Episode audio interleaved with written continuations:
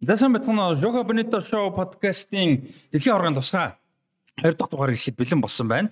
2022 оны Катарт болж байгаа хөлбөмбөгийн дэлхийн орон шалралт тэмцээний хэсгийн шатны 20 дугаар тойрог дууссан байна. За бидний бичлэг хийж байгаа өдөр буюу 11 сарын 29-нд өнөөдөр бол одоо 3 дугаар тойрог эхэлж байгаа. Монголд SBS болон Централ телевизээр аль бис эрэхтэй гаргаж байгаа өнөөдрөөс эхлээд бол нэг цагт хоёр одоо тоглолтууд зэрэг зэрэг те. А хоёр телевиз хувааж аваад ингээ гаргаж байгаа юм байлээ.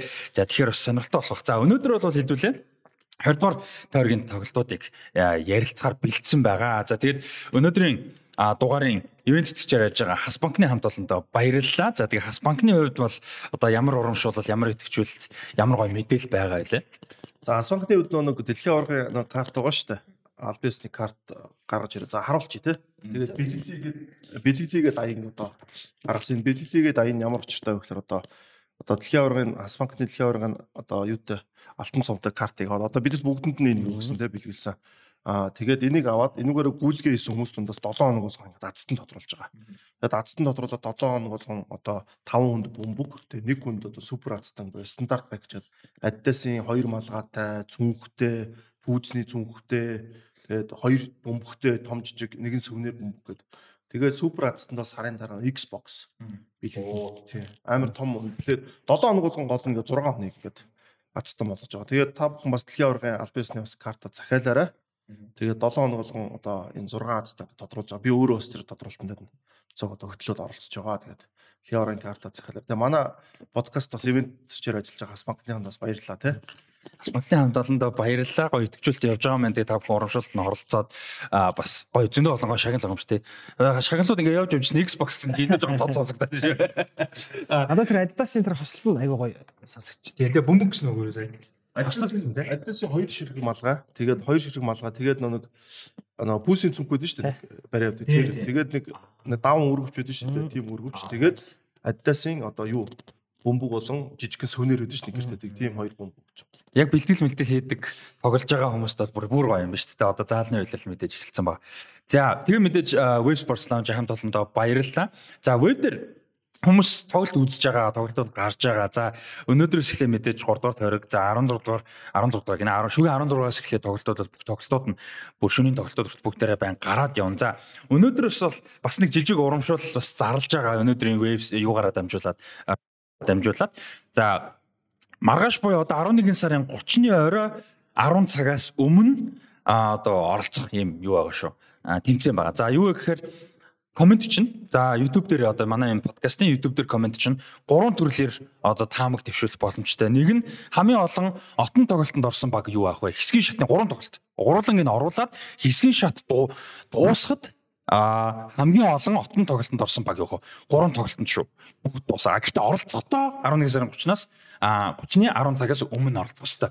Тэгэхгүй яг хаагур болчихсон. Аа манай одоо энэ Jogo Bonito Show подкастын яг энэ подкастын YouTube-ийнх нь дор комент ч гэстэй YouTube дээр. Тий. А тэгээ edit хийж мэдээж болохгүй. А тэгээд мэдээж одоо юу гэдэг тэмцээнүүд олон тоглолтууд дууссан хойно комент хийж болохгүй учраас 11 сарын 30-ны 10 цагаас өмнө гэж.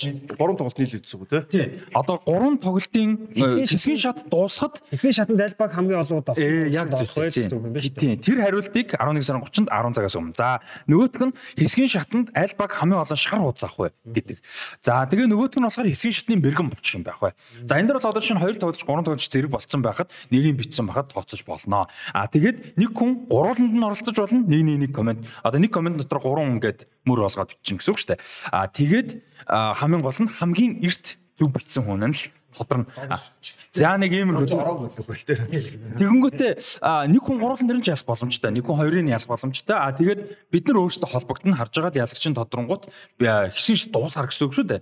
А бид нар өөрсдөө комментийг харж байгаад холбогдно. Тэгээд та бүхэн бас комментэн дээр реплай бас одоо хараад байж байгаа гэсэн үг тийм анхааралтай.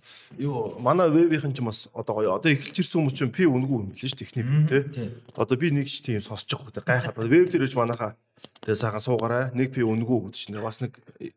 мөнгө хэмжиж штэ тий. За тэгвэл тэгвэл ярьж нэг уучаал яваадаг гэдэг.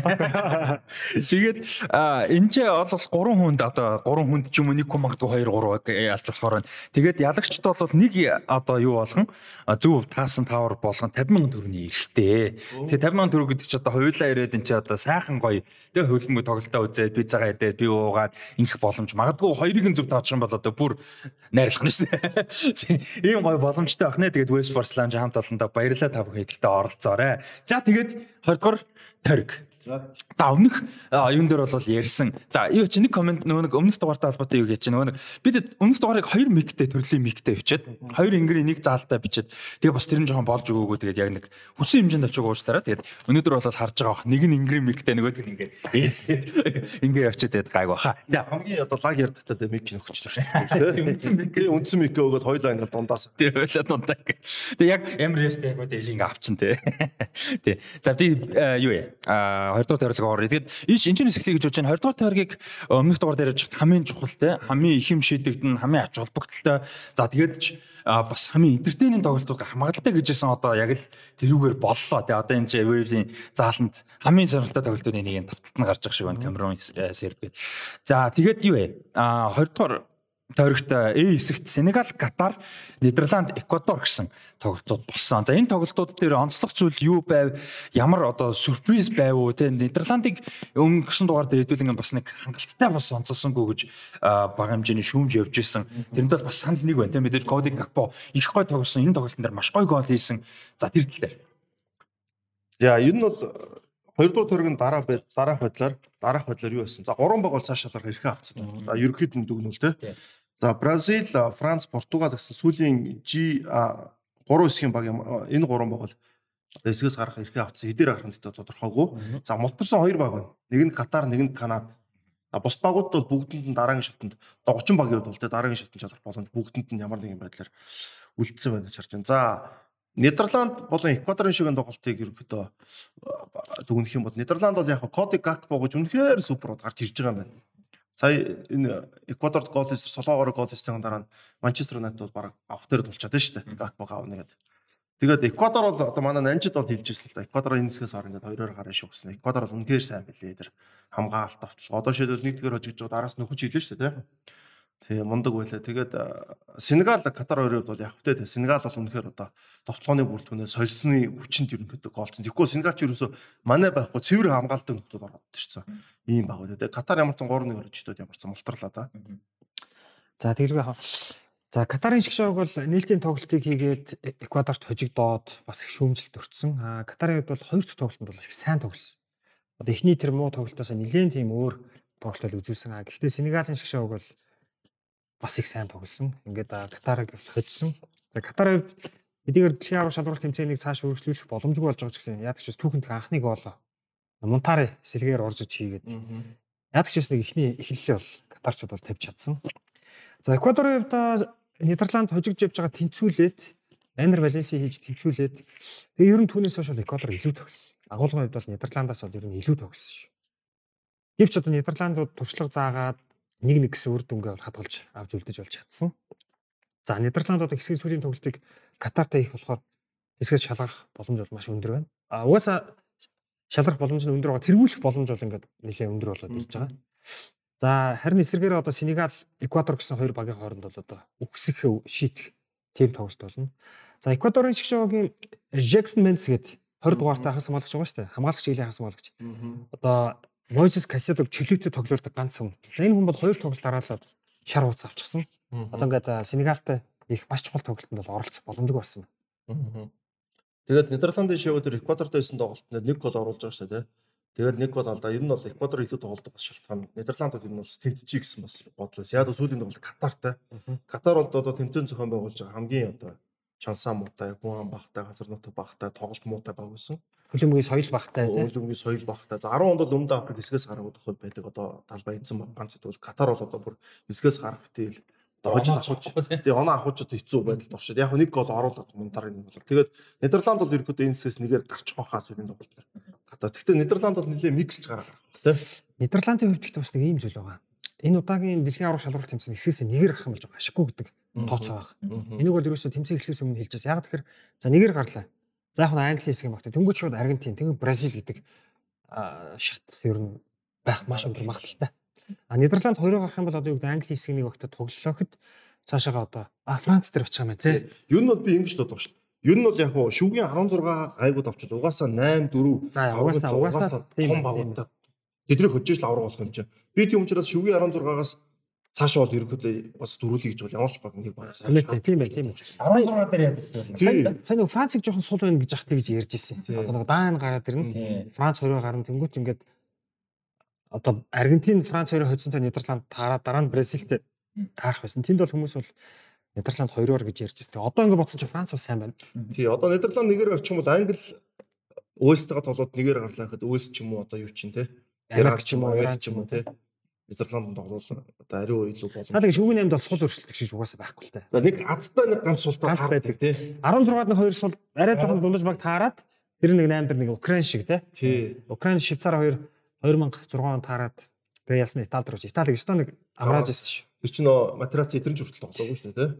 Тэгэхээр би бол бодож Тэр бол одоо юу чинь дээ нэг яар тооцоолоход хэцүү юм байхгүй. Тий, тий. Тэгээ дээрэс нь даансыг төрүүлээ болчих юм чинь хамгийн ихэнд болчих нь харж Харж чадах. Тэгэхээр Нидерланд бол ямарсаа хождгоор хожоод нэгээрээ гараад явчих болов. Харин тэр Эквадорсын талын тоглолт амар тоглолт. Тэр тоглолтод Эквадор тэнцэж болно. Яг гэвэл Эквадор 4 оноотой байгаа. Аа Сенегалийн шиг шаг бол 3 оноотой байгаа. Энэ Тэнцэл гарч маш том Эквадорт бол бас боломж. Нэгээр илүү бол мянгаар илүү гэж бол яг үнэ үг тий. Эквадор э, бас сэтгэл зүйн мундаг байна тий. Нидерландтай хийсэн тоглолтын дээрээс харж байгаа. За, A хэсгийн хувьд бол иймэрхүү байна. А B хэсэг. За, B хэсэг бол мэдээж бас сюрприз ихтэй. А сонирхолтой гоё хэсэг явж байгаа. За, Англи бол одоо түүхэндээ Америкийн нэгдсэн улсын шгшээ багийг хөлбөмбөгийн хөлбөмбөгийн тэмцээний хүрээнд бол хожиж байгаагүй. Тийм яг аль бисний тэмцээнд ерөөс хожиж байгаагүй. Яг өөр юм тэмцээнд ч таархан баглах л та. Тэгээ ер нь бол хожиж байгаагүй. За тэр цуврал үргэлжиллээ. Энэ тоглолтын дээр одоо ямар ялгаа гарав те Англи одоо яагаад хоцсонгүй гэдэг ч юм уу. Эсвэл магадгүй Америк сайн тоглосон уу. За зөрүүлээд нэмээд Уэльсийн шгшээ баг хожигдсон. За Уэльс бол одоо ингээ ганцхан оноотой болж байна. Ираныг шок бүр төгсгөлт одоо хоёр гол хийж бас Иранд мэдээж нөгөө улс төрийн асуудал нийгмийн асуудал байгааг нь хоёр зөндөө хангалттай ярьж байгаа. Тэгээд тэрийг энэ дэр нь нэмээд ярихад ер нь ямар хөө тоглолтууд болов. За хоёрдугаар тойргийн тоглолтууд бас бас нэг үнэхээр нэг алга таш баяр хүргэмээр хэд хэдэн баг байгаа. За үүний нэг нь бол яхахгүй Ираны шиг шав. Эхний тоглолтод ямар муу тоглож хожигдв. Англи 6-2. Тэгэхэд ингээ 3 өдрийн дараа энэ баг ингээ шаал өөр баг болоод 4 өдрийн дараа тий шаал өөр баг болоод гараад ирсэн. Энэ бол ерөөсө асар тийм одоо гахалтай зүйл байж чадсан. За тэгээ Ираны шиг шоуг бол түүхэнд анх удаа Европын багийг дэлхийн 10 шалралт хэмжээнд хоцсон. За ер нь энэ тоглолтод Иран маш олон боломж алдсан шүү дээ. Тэгээд Иран зүгээр хожиж чадаагүй бол үнэхээр бас харамсалтай тийм зүйл болох байсан. Тэгээд Иранчууд эцсийн мөчөд зүтгэсээр хагаад сүүлчийн мэдлийн шүүгчийн мэдлийн цагт одоо нь 90 Эрдэр нэмэх 8 дээр. тийм эрдэрийн финал эрдэрийн 11 дээр гол хийж хожиж өөрсдөө боломж олгож үлдлээ. Энэ тоглолтын дээр энэ дэлхийн аваргын энэ тоглолтын дээр энэ дэлхийн аваргын анхны улаан утас тий. Вэн Хенес. Тэн дээр чи ингэж байгаа байхгүй. Хенесиг гэж одоо нэг алдартай брэнд байгаа шүү дээ. Катарт алкогол байж болохгүй яг гэдэг. Яг тэгсэн. Яг тэгсэн. Яг тэгсэн. Тий, тэгээд Ираны шог энэ тоглолтод сайн тоглохоос гадна нэг улс төрийн асуудалтай байгаа учраас төрийн дул яг хад үзэгчд маш их ойлж илээ. Тэгээд тэр гол оруулж тамирчид баярлж байгаа нь яа харахгүй тэр чинь зөвхөн хөл өмгөөс гадна өөр юм бас давхар ингээд дотор нь байгаад байгаа учраас тэрийг гаргаж илээ л дээ. Тэр гол оруулчаад бүр ингээд ойлаа авд ингээд. Тэгээд тэр тоглолт бол би бол баярлсан яг Ираны ч яг үйлсийг ингээд тоглолт. Айгуу заваан тоглолт. Ингээд классик тоглолт гэдэг чинь хамгаалаал, зуурал. Бид явж байгаад нэг бэлэг хийчихдэг байхгүй. Нэг стандарт цагтаас шүү дээ тий. Стандартаас ч юм уу нэг бужинандаас нэг сөрөг яваад хийчихдэг байхгүй. Тэгээд тэр Европын авраг маруудаар чинь өөс яаж байгаа л эсгээс гараад ирдэг байхгүй. Тэгээд нэг эсгээс гарч ирэнгүүтээ хожигдсон заяа. Нэг олигтой явахгүй. Яг го 16 онд бол гайгүй явцсан тий. Тэр үед бол Рамси, Жо Алны тэр чинь эд бис үехгүй. Нөө Эшли Уильямс ч хамгаалт нар хүнд. Одоо энэ нөөс яг тийм заваан тоглолтсон. Тэгээ би Ираныг үзсэн амар баярсан. Яг Иран бол шал өөр тоглож тэр Сардар Азмун Тарими өрийн тэр товтлооны ослол үнэхээр Азмун ямар гой тоглож байна тий. Яг тэр Орсын лиг тоглолт тэр нэг хүчний тоглолт одоо бөмбөг болгон дээр л товтлооны юм дээр Сардар Азмун явж байлаа. Тэгээд Азмуны хажууд яг тийм хурдтай мундаг финишер байгаа. Айгуу том давуу тал ширч ирлээ. Нөхин одоо энэ нөгөө нэг э, алдарцгалж биш Карлош Кервш их олон олон Голизатыг үндсэн бүрэлдэхүүн гаргацсан жур балтсан тий. Балсан. Зөвөлтэй. Баруун зүгт болсон. Голизатай бол нэрээ. Яг ийм нэг одоо дасгалжуулагч нар бол эхний тоглолтод хожигдж болно, муу урд авч болно. Хоёр дахь тоглолтоо сайн хяналт дасгалжуулагч маш их маневр орох ёстой гэж хэдүүлээ өмнөх дугаар дээр ярьсан. Яг л тийм сайн маневр хийж чадсан багууд л сайн үр дүн авсан. Түүний нэг Иран. Тийм, Дээрэс нь Иран одоо энэ улс төрийн асуудал гэдгсэн Карлош Гэрос тэм тоглолтын өмнө асуулт тамжтай хэлсэн юм байдаг шүү дээ. Ингээд өөрсдийнх үст бодлыг олон улсын хөлбөмбөгийн холбооны дөрмийн дагуу хөл өмгийн дөрмийн дагуу илэрхийлж болно гэх тийм. Хөл өмгийн дөрмийг давахгүйгээр одоо чинь хууц мууц авахгүйгээр э, одоо FIFA-гийн дөрмийг зөрчихгүйгээр тэрийг илэрхийлэх эрхийг нь бол өгсөн. Тэгээд Англи Америк нэгдсэн улсын шигэд бол энэ хоёр баг дэлхийн орд ингээд 3 дахь тарсан. Тэгээд 3 дахь тараад ямар ч зүйл юу байлаа. Ахад Америк нэг хочсон байсан. Тэгээд нэг тэнцсэн байсан бол сая ахад тэнцлээд Английн хувьд бол Америкийн нэгдсэн улсын эсрэгээс тоглолт нэр яг нөө нэг хуучин тоглолт юм аягаар тоглосон. Тэр бол жоохон буруутсан тий. Яг 4 3 3-аараа тоглосон. Тэгээд Маунт өөрчлөлт оруулалт болсон. Англи бол ерөөд Америкийн эсрэг бол жоохон таарууд болсон. Америк бол айгүй гоё хурдтай баг USA эсрэг Английн эсрэг бол айгүй гоё тийм юу тоглож илээ л дээ. Нэг зөв хөлбөмбөг гэж үдэн шүү дээ. Залуу багч нэг жоохон алдаа гаргачих гээд дээ. Тэгэхэд ерөөсөө тийм биш айгүй гоё зөв хөлбөмбөг тоглож илээд ямар нэг алдаа багтай. Багийн тоглолт үнэхээр сайн билээ Америк бол. Тэгээд Америкийн нэгдсэн улсын шгшөөгийн хувьд бол энэ удаагийн дэлхийн аврах шалралт тэмцээнд орж байгаа хамгийн залуугаас хоёр дахь баг. Маш динамик баг. Америкийн нэгдсэн улс ерөөс ганцхан л асуудал. Төгсгөл хийдэг юм байхгүй. Одоо өмнөх тоглолтод нөгөө Тимоти Виа. тийм Тимоти Виа хийсэн. Тэгэхээр нөгөө үндсэн товтлогч нөгөө Хесус Фрейра гэдэг Колумб гаралтай товтлогч байсан шүү дээ. За энэ тоглолтод бас нэг өөр тоглож гаргасан. Тэгээ нэг Саржент гэдэг товтлогч. Энэ гур бол ер нь жоохон гол муутай. Яг хөө тэр вингрүүд нь атак мидфилдүүд нь үнэхээр мундаг. Түнс яг тийм эцсийн төгсгөгч байхгүй гэдэг нь бас сая харагдсан л да. Одоо тэр Саржент гэдэг Нор Норвич тэр чин бас яг живүүр болчиход байгаа байхгүй яг төгсгөж биш. Тэгээд Аронсон гээд Лидсийн тэр чин бас яг товтлогчийн ард тоглолт гэдэг яг тийм үзүүрийн товтлож байхгүй нэг баахан нэг живүүрүүд Тимоти Виа чин бас яг үзүүр striker. тий страйкероос биш тий тэ. Энэ олон байр дөнгөж страйкер болгоцоо Тимоти Виага төвдөр тавигээл манай он тоглоод яг нэг гол хийсэнтэй. Гэтэ энэ бол тэгээд энэ нөө цэвэр страйкергүй юу харагдж ийл л дээ. Сайхан хурдан нөхдүүд. Тэгээд одоо юу ч Америк урдан дээр 2002 онд ч юм бол Макбрайд Брайан Макбрайд гэж одоо Премьер лиг тоглодог мундаг төвийн тоглолч байсан шүү дээ. Төгсгөгч. Айгуу гой хүчтэй. Тэнгүүд нөө Лэндон Доновын өдрийн жигүүрийн тоглолт төр Эд Ильюсэр жигүүрийн тоглолч амар гот амьлээд ирж байгаа байхгүй. Тэгвэл Америк бол сайхан гүгээд эдэр товтгон дээр нэг тийм амьлах нэг юм байгаа шүү дээ төгсгөдөг те. Яг тэрэн дээрээ жоохон нэг асуудал. Тэгээ төвийн тоглолч идэх юм бол манай үзэгчдээс бодох хэрэгтэй байна. Зөвхөн гол оруулдаг биш байхгүй. Одоо тэр Сардар Азмун шиг те тэр голын боломжийг гаргана. Хамгаалч нартай тулна. Тэр зөв гүйлтүүдийн те отонгийн тоглолтын тэр зөв шахалтын зөвүүрийн тоглолчтой таата тоглох боломжийг олгоно гэдэг. Айгүй олон тийм юу гарах хэрэгтэй байхгүй голлоос гадна өөр зөндөө олон ажлууд байдаг тэгэхээр зөвхөн гол оруулах тал дээр биш. Бас ийм ийм ажлууд байгаа шүү дээ. Хийсэн зүйтэй хаа За дараагийн тойрогт э, Англи тэгээ энэ бас мэдээж их Британда том тоглолт тий өнөөдөр байгаа. За тэгээ Иран Америк энэ тоглолтууд ямар хөө болно гэж бодож байна. За тэгээд Англи одоо мэдээж энэ жилийн бас том фаворитуудын нэг Америк дээр одоо жоохон тиймэрхүү тоглолоо. Дээрэс нь Gareth Southgate тэр сүүлийн 2 жил ер нь энэ яригдж байгаа хамгийн том шүүмж гэх юм уу ярин сэдвүүдийн нэг бол тийм хуучинсэг тоглолттой гэх юм уу тэ одоо болгоомжтой үздэг те. Тэгсэн мөртлөө хамгийн авьяастай бүрэлдэхүүн энэ гэдэг. Тэгээ одоо энэ дэлхийн орд ирсэн хамгийн авьяастай тоглогчдын нэг одоо Foden гэхэр нэг буруудахгүй бах. Ер нь бол тэгэхэд одоо баг тоглоогүй шүү дээ. Сэлгээр орж ирлээгүй. Тэгээ хэдхэн минут л тоглосон бах орж ирсэн бол би тэр марчаад. Гэтэ ер нь бол тэгэнгүүт яг одоо тоглох хэрэгтэй юм уу? Яг яа- ер нь цаашаага яана гэж бодож байна. Фоден бол эхний тоглолтын солилцоор орж ирсэн шүү дээ. Тэгээд ер нь бол Фоден энэ жил маш шүндөр формтой байгаа. Премьер лиг дээр. Одоо фэнтези тоглолтын хүмүүс бол мэдэндээ яг хэлээд бол зүгээр энгийнээр хэлээ те. Үнэхээр өндөр формтой байгаа. Одоо юу чинь Фил Фоден бол а Гордиалагийн товцооны Дебройны дараах сонголт болсон шүү дээ энэ бол. За мэдээж хаалтанд үзүүр дээр гарна те. Тэгээд хаалтанд одоо нэг ахад нэг юм онцлог үзүүрийн товч ямар чухал байдгийг хаалтанд харж байна. Хаалтанд ирснээр тэр Дебройны тоглолт Фодийн тоглолт ингээд сэргээд ирж байна. Одоо эдгээр Кейн вэ шүү дээ. Асуудал байхгүй. Тэгэхээр би бол Фоднийг гаргаас гэж бодож байгаа юм дээ. Нөгөө Стерлинг гараад байхгүй. За Сака бол болж байна те. Сака бол гоё байгаа. Сака бол үнэхээр гоё. Тий. Стерлингийн урд бол би Фоднийг гаргаад үзээсэй гэж бодож байгаа. Тэгээд Александр Арнолд яг хамгаалтан дээр дутуу тоглолдог гэж үздэг боловч Александр Арнолдыг англи хэлээр гаргаад юм бол хамаагүй өөр тоглолт гарч магадгүй. Ливерпул дээр өөр өдөн штэ. Угаас Ливерпул уршихаа прессинг гэж тоглоод цөөхөн хамгаалтаар тоглодог. Англи дээр ерөөдөө бас хагас дээр чинь Declan Rice тоглож байна. Jude Bellingham тоглож байна гэдэг бас бас байж болохоор санагдаад байгаа байхгүй. Тэнгүүд нөгөө триприйг гаргаад трипри авах та. Яг л нэг баруун орж ирэл нэг гүндлэн дамжуулдаг бол зогсдог тий. Люк Шон бас нэг тиймэрхүү шүү дээ. Тэгэхээр нэг Арнольд ч илүү тийм креатив, төв рүү ороод найруулгаараа тусалдаг ийм тоглолчийг бас турч үзээсэй бодсон. Тэгээд Уэсли энэ Америкт тэнцсэн айгу зүг болсон баха. Тэгжиж одоо яг жиг над нөхөрч өөрчлөлт өнөдр хийх бол болж бодоод байна шүү дээ. За энэ Б хэсгийн дөрвөн багт дөрвөлөнд нь хэсгээс шалгарах боломж байгаа. А дөрвөлөнд нь хэсгээс шалгарахгүй байх эрсдэл бас байгаа. Одоо тэгэхээр ингээд хоёр тоглолт хоёлаа мундаг болно. За ялангуяа одоо Уэлсийн бас боломж واخгүй юм. Юу вэ гэхээр магадгүй энэ хэсэгт байгаа багуудаас Англи эсрэг хамгийн сайн тоглож болох баг нь бас Уэлс واخгүй тийм шүү дээ. Уэлс бол одоо Ираныг мэдэхгүй шүү дээ, тоглож чадахгүй шүү дээ тэдний эсрэг. Тэгэд Уэлсийн хувьд магадгүй сайн их муу тогсон хэсгийн 3-т тогсонд Уэлсийг бүх юмаа гарах бас нэг хөшөөрөгч байж болно. Тэгээ дээр мэдээж сэтгэл зүйн хувьд Англиг хожно гэдэг чинь. Аа тэгээд Англиг хоцчих юм бол нэгдүгээр нэр төрийн хувьд энэ ч маш том цаана бас нийгмийн байгаа. Тэгээд Англиг хочих юм бол бас хэсгээс Английн оронд гарах маш том боломж шүү дээ тий. Гэхдээ ийм байна шүү. Одоо энэ хоёрын чинь хооронд загалж байгаа 6 бөмбөг байгаа байхгүй юу? Тэгэхээр Вэлс хоцсон ч гэсэн нөө бөмбөг толгоор Англи нэмэх дөрвөн бөмбөгтэй. За 2-0-оор хожиглоо гэж бодъё заяа. Тэгэхэд Англи нэмэх хоёртой West тэр бөмбөгтэй болно. Тэгэхээр ерөнхийдөө Английн гарах магадлал өндөр байгаа. Тийм байна, тийм байна. West нөө олон бөмбөгөөр хожих болно. Гол бол тийм.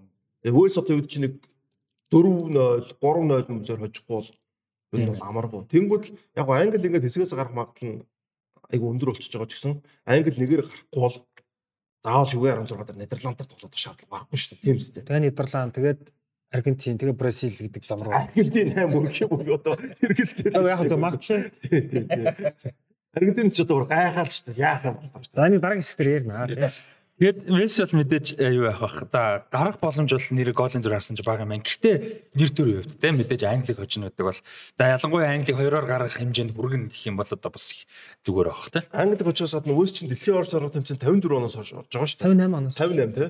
Тэгээд нэг энэ хожил авах чухал шүү дээ эдний огтж байгаа. Тий. Хожил үүд чи одоо дэлхийн аварган бас айгүй чухал зүйл. Тэгэхээр West-д бол угаасаа одоо алдах юм байхгүй хүндээ бол West 3 4 бомбог хийгээд бүх юма тавина ойлгомжтой. Өнөөдрийн энэ West Ham Английн тоглолт бол тий Gareth Bale-ийн шгшоогийнхаа төлөө сүүлийн тоглолт байх магадлал маш өндөр болж байна. Лос Анжелес FC-т гэрээтэй 23 хүртэл гэрээтэй байгаа. Гэхдээ ер нь бол мань хүн чинь тийшээгээ явсан шалтгаан дэлхийн аварт одоо матч фитнестэй орох гэж явсан шүү дээ. Тэгэхээр ер нь бол карьерийнх нь ч одоо бүр сүүлийн тоглолт байх магадлал бас байна тий. Би бас ингэж бодох шүү. Одоо ингээд англи англи англичууд бас мэдж байгаа шүү. West товтлноо. Тэд нар 4 5 3 4 бөмбөг хэрэгтэй. Тэгэхээр англи бол одоо энэ дэр нөө Арнольд, Foden гэдэг нөө залуучуудаа яг жинхэнэ гаргаа сөрөг тоглох маш хэрэгтэй байхгүй одоо энэ дэр. West товтлно. Эхнээсээ л товтлно West угаас. Одоо энэ дэр нэг алгуур суугаад байгаа шаардлага байхгүй. Дөнгөж англи бол угаасаа энэ дээр сөрөг товтлооны бүрэлдэхүүнээ гаргаа. Би бол Кейн Мэнийг бол одоо шагааны асуудалтай гэж бараа суулгач үл яадаг гэж бодож байгаа шүү энэ дэр бол. Одоо энд тэгээ юу гарч ийн л да. Сая Уэлс Английн тухай ярьлаа. Англичууд олон бөмбөгтэй байгаа. Дэлхийн аврах шалруу тэмцээнд э, хэсгийн тоглолтод хоорондын тоглолтын дүнг харахгүйгээр гол тоолж байгаа тийм. Энэ яг зөв зарим талаараа давуу боловч одоо чинь Уэлс хэцүү болчих жоох байхгүй. Уэлс одоо нэг тэгэр хожлоо гэж үү. Тэгээд Англид 4 он болоод хоорондын тоглолтод гарч исэн бол энэ ч бас Уэлсийн боломж тийм. Тэгэхээр бас бас нэг сөрөг тал бол бас Одоо нөө Европын орнуудаар бол ингэж явдаг тий. Европын орны энэ дөрвөн олон жил ингэж явж байна да. За хэсэг. Пош а за Иран Америкийг гэрч. Оо, за.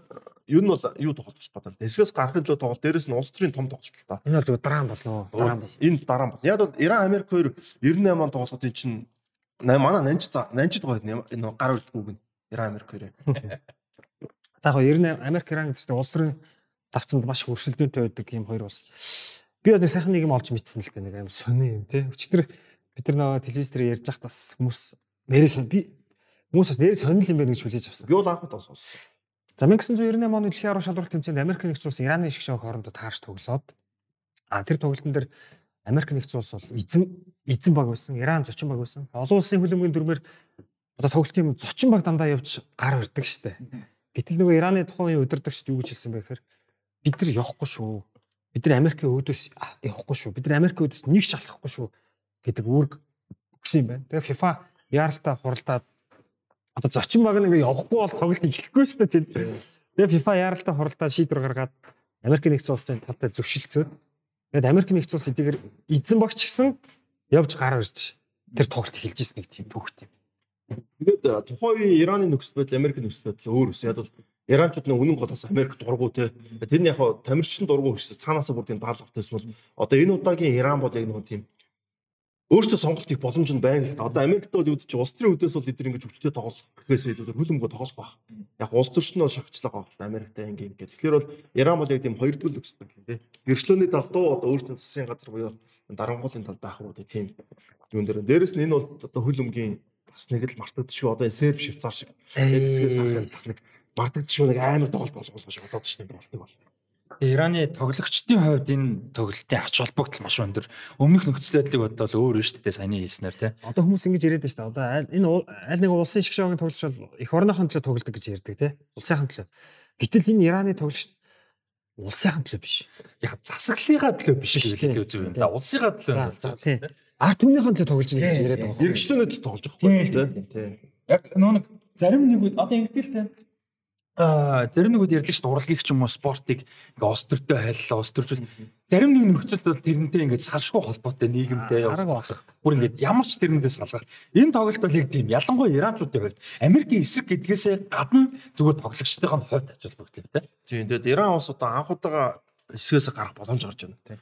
Энэ Иран хэрвээ Америкийг хожоод ингээд Иран тэнцчихэд гарна шүү дээ. Тэгээд Иран хэсгээс гарна шүү дээ. Иран хэсгээс гарах юм бол энэ чинь ард түмний хувьд Америк дөрөв оноо тоглож шүү дээ. Иран дөрөв шүү дээ. Америк хоёр Ами- Иран Гурав шүү дээ. Иран хожигдсан баг шүү дээ. Америк хоёр шүү дээ. Америк хожиг хоёр. Оо тийм шүү дээ. Америк Гэтэ ингэ л те яг хоо Вэс одоо юг хожих юм бол Англиг хожоод Иран юу яжсэн нэг тиймэрхүү юм баг. West Англиг хожоод Иран тэнцэх юм бол яг хоо Иран мостор нөө. Тэгээ тэр бол боломж баг те тэр бол. Англи одоо West гэдэг. Англи бол айгүй том павертай орж шүү дээ. Тий. Тэгэхээр Иран бол анх удаага ингээд хэсгээс гарна. Энд чинь болохоор нэг одоо юу ч юм дээ. Ард түмний хувьд асар том юу болно л доо одоо тийм баяр болно доо. Манай тамирчид инглиг тэр чинь бас би бол бодоод нааш үгүй 16-ад Иран гарч ирмэлээ. Иран ч юм бол одоо юу чинь тийм тамирчид нь бас нэг ингэртэй эндээ юм зүм бичээс сөхөө те. Одоо эмгтээчдийн тийм Ираны эмгтээчдийг одоо үнд үнд өчтөр дээр нөхөр гарч ирсэн. Тиймэрхүү бас гарч ирэх болоо Иран илүү анхаарлын төвд орох болох шүү дээ. Яг амар тоглолт болох гэдэг наа тий. Холбогдлоо. Ядээ тэнцэл гарна гэдэг чи одоо юу гэсэн үг вэ тий? Америк ч бас бас боломж бол байна шүү дээ. Иран хангалттай боломж байна. Яа энэ бас амар тоглолт. За аа би хэсэг ширүү орох уу? За. За Аргентин тий. За хоёрдугаар тойрогт э, Пош Сауди Арабиудын харьцаатай хоцсон Аргентин Мексикийг 2-1 харьцаатай хоцсон. За аль аль багийн хувьд бол ингээ хожоод 1-2-т ороод ирж байгаа. За гэхдээ мэдээж Аргентин Сауди Араб бол оноо тэнцэг голын зөрүүгээр Аргентин 2 одоо голоор арай илүү байгаа гэх юм уу. Ийм байдалтай. Гэхдээ бүгдээрээ гарах боломжтой. Бас ийм мултрах боломжтой нөхцөл сонирхолтой. Ерөнхийдөө адилхан нөхцөл байдлын хувьд. Ийм байна. За тэгээд тоглолтуудын үед ямар болов аль баг цаашаага хэр явна гэж бодож байна. За ялангуяа Аргентин дээр. Танайдаас эхлэх. За Аргентины шгшөөгийн цажууч Скалоны бол энэ тоглолтод хэд хэдэн өөрчлөлт хийсэн. Эхний тоглолтоос. За эхний тоглолтод бол нэлээд тааруу байсан. Хэдэн өөрчлөлт хийсэн. За хамгийн гол өөрчлөлт байсан юм Макалистрийг оруулж ирсэн. За Гидор Родригес гэж одоо маш муу байсан Парадисыг суулгаад Гидор Родригес орж ирсэн. За зүүн зүгээр Талафико их тааруу байсан. Акуни орж ирсэн. За тэгээд Ромеро эхний тоглолтод бас таарах байсан суулгаад Лисандро Мартинес. За ийм дөрвөн аа тэгээд Монтел Монтелиг таван өөрчлөлт хийсэн байна шүү. Энэ чинь бол за энэ бол маш зүг болсон. Тэгээ Аргентины шоуг бол Мексик эсрэг маш нэгт нэгж тоглоод бас нэлээд хүндхэн тоглолт хийцтэй бол 3 оноо авч өөрсдөө хэсгээс гарах болцлог боломжийг бол хадгалж үлдсэн. Дасгалжуулагчийн өөрчлөлтүүд бол их э, нөлөөсөн гэж бодож байгаа. За би бол Аргентины шгшөөгийг хизээч төвийн 3 хамгаалцтай тоглохыг үзээгүй. Яг тоглож байсан байж магадгүй. Би бол бүх тоглолтыг үзээгүй зөв ингээ ерөнхийдөө үзэхэд бол энд бол бүр Аргентин сүултээ Ромерог оруулж 3 хамгаалагчтай ороод ингээ тоглоод эхэлсэн шүү дээ. Тэгээд бас энд одоо дасгалжуулагч юм бийцсэн мөч хоолон дэр нь хутах тулахад өөрийн туршиж байгааг хийж байгаа юм их ч гэсэн хийхээс өөр аргагүй тийм нөхцөл байдлууд бол үүсэж байгаа. За тэгээд энэ хэсгийн багуудыг бол хараад багш на бүгдээрээ яг үндэ тааруу хэсгийн багууд. Одоо Пошод ерөөдөө нэг сайн байгаагүй шүү дээ. Зүгээр л нэг сайхан хамгаалдаг баг шүү дээ. Тэгмэл энэ дундаас нэг Пошын цойлоо гараад ирлээ. Яг бол Мексикийн жил маш муу бүрэлдэхүүнд орж ивчээ.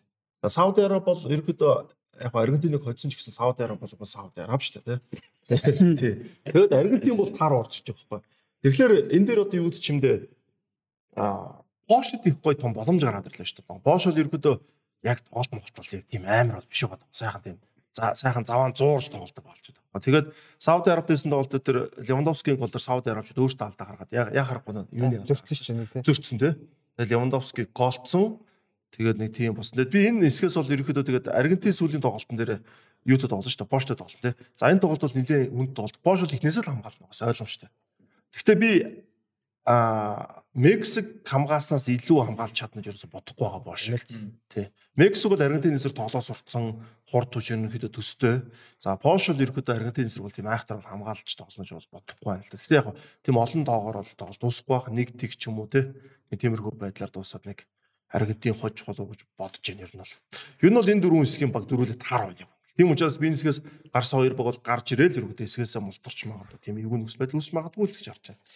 Хэдүүлээ нөгөө дэлхийн 10 шалралт тэмцээний өмнө нэг сүүлийн нэвтрүүлэг цэнгэл гуруулаа бичсэн шүү дээ. Тэгэхэд би бас нэг үнцэг хэлжлээсэн. Юу гэхээр за Сауди Араб Сауди Араб эхлээд маш том давуу талтай байсан байхгүй. Яг л Аргентинтэй. Эхний тоглолт. Сауди Араб зэн тэмцээнд ингээд бэлдээд ингээд Аргентин ирээд хэдэн өдөр байж байгаад орж шít. Аа тэр бол маш том давуу тал байсан. Аа тэнгууд одоо түүнээс хойш өдөр хоног өнгөрөх тусам жишээ нь хоёр дахь тоглолт руугаа хүрэхин тул дахиад нэг дөрөв хоног зэ. Нөгөө багууд нь улмал цаг агаарт яаж юм. Тэгэхээр Сауди Арабын давуу тал нь багасаал байна гэсэн.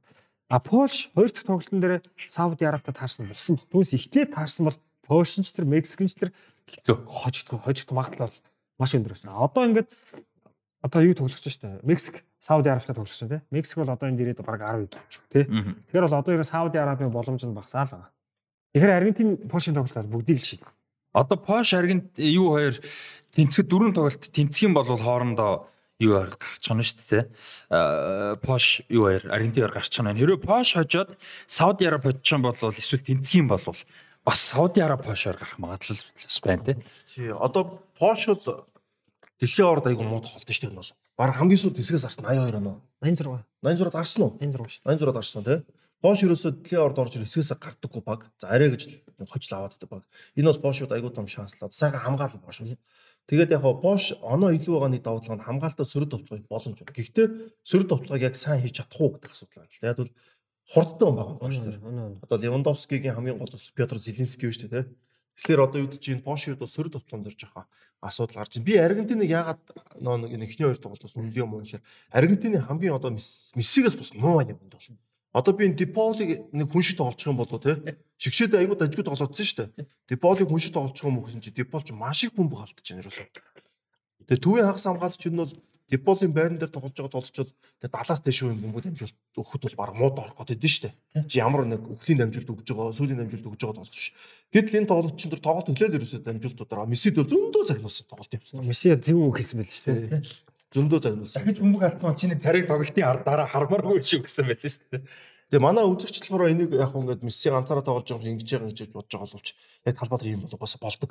Яг лидер тоглож Ахмад тоглож яг ингээд игцэгтэй яг тийм чухал үе дээр Месси өөрөө гол хийж байгаа шүү дээ. Дахиад гол алдуулмж тарах гэдэг. Яг багийнхандаа тиймэрхүү юу хэлэх нь бол буруу бол биш ээ. Тэр бол угаасаа ерөөсөн болдог юм аа. Тэгээд Месси бол энэ яаж яхад энэ жил энэ бүрэлдэхүүнд бол яг бүр ямар ч эргэлзээгүй ганц том лидер нэг байхгүй.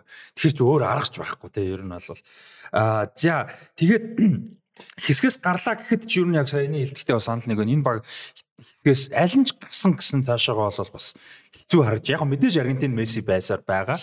За би бол өөр бодолтой байна. Юу гэхээр Аргентин чангарна гэсэн. Аргентин одоо хэсгээс гарах юм бол сайн юу. Том тэмцээнд ямар баг амжилт үзүүлдэг гэхээр тоглолтоос тоглолт нь сайжирсан баг юм. Аргентин ихний тоглолтод хамгийн ёроолтой очсон. Энэ баг одоо дэше явж байна. Энэ аюул чухал график шүү. Одоо Польш дээр сайн үр дүн авч чадах юм бол тэгээд 16 их ойрхон байгаа шүү дээ тийм шүү. Тэгээ гарах юм бол ер нь бол маш том боломж байх. За тэгээд Энцо Фернандес гэж гой залуу гарч ирж байгаа. Тэгээд сая бол өөрийгөө зарлсан гой гол хийлээ. Мессигийн гол мэдээж ороогүй байсан бол Энцо Фернандесийн гол орох нь хэцүү бах. А гэхдээ энэ дэр нэг Мессигийн ач холбогдлоос айгу гарлаа л та тийм нөгөө тоглолт нь ямар байлаа тэр хүртэл. Тэгээд Месси ороосны дараа тоглолт дуус хүртэл шал өөр Аргентин тоглосон шүү дээ. Тэгэхээр сэтгэл санааг нь тайвшруулад сэргээгээд ингээд нэг тийм өөртөө одоо чинь Энцо Фернандесийн тэр тоглолт бол яг тэр тэгдэг байхад тэгхгүй шүү дээ. Мессиг хайдаг ч юм уу магадгүй боломжтой тоглох гэж үздэг ч юм уу те. Тэгэхэд ингээд хамаагүй өөртөө ихтэлтэй тоглолт хууралт игээд зогсож байгаа гэдэг ч юм уу. Тэр нь бас анзаарчихсан гэж бодож байна.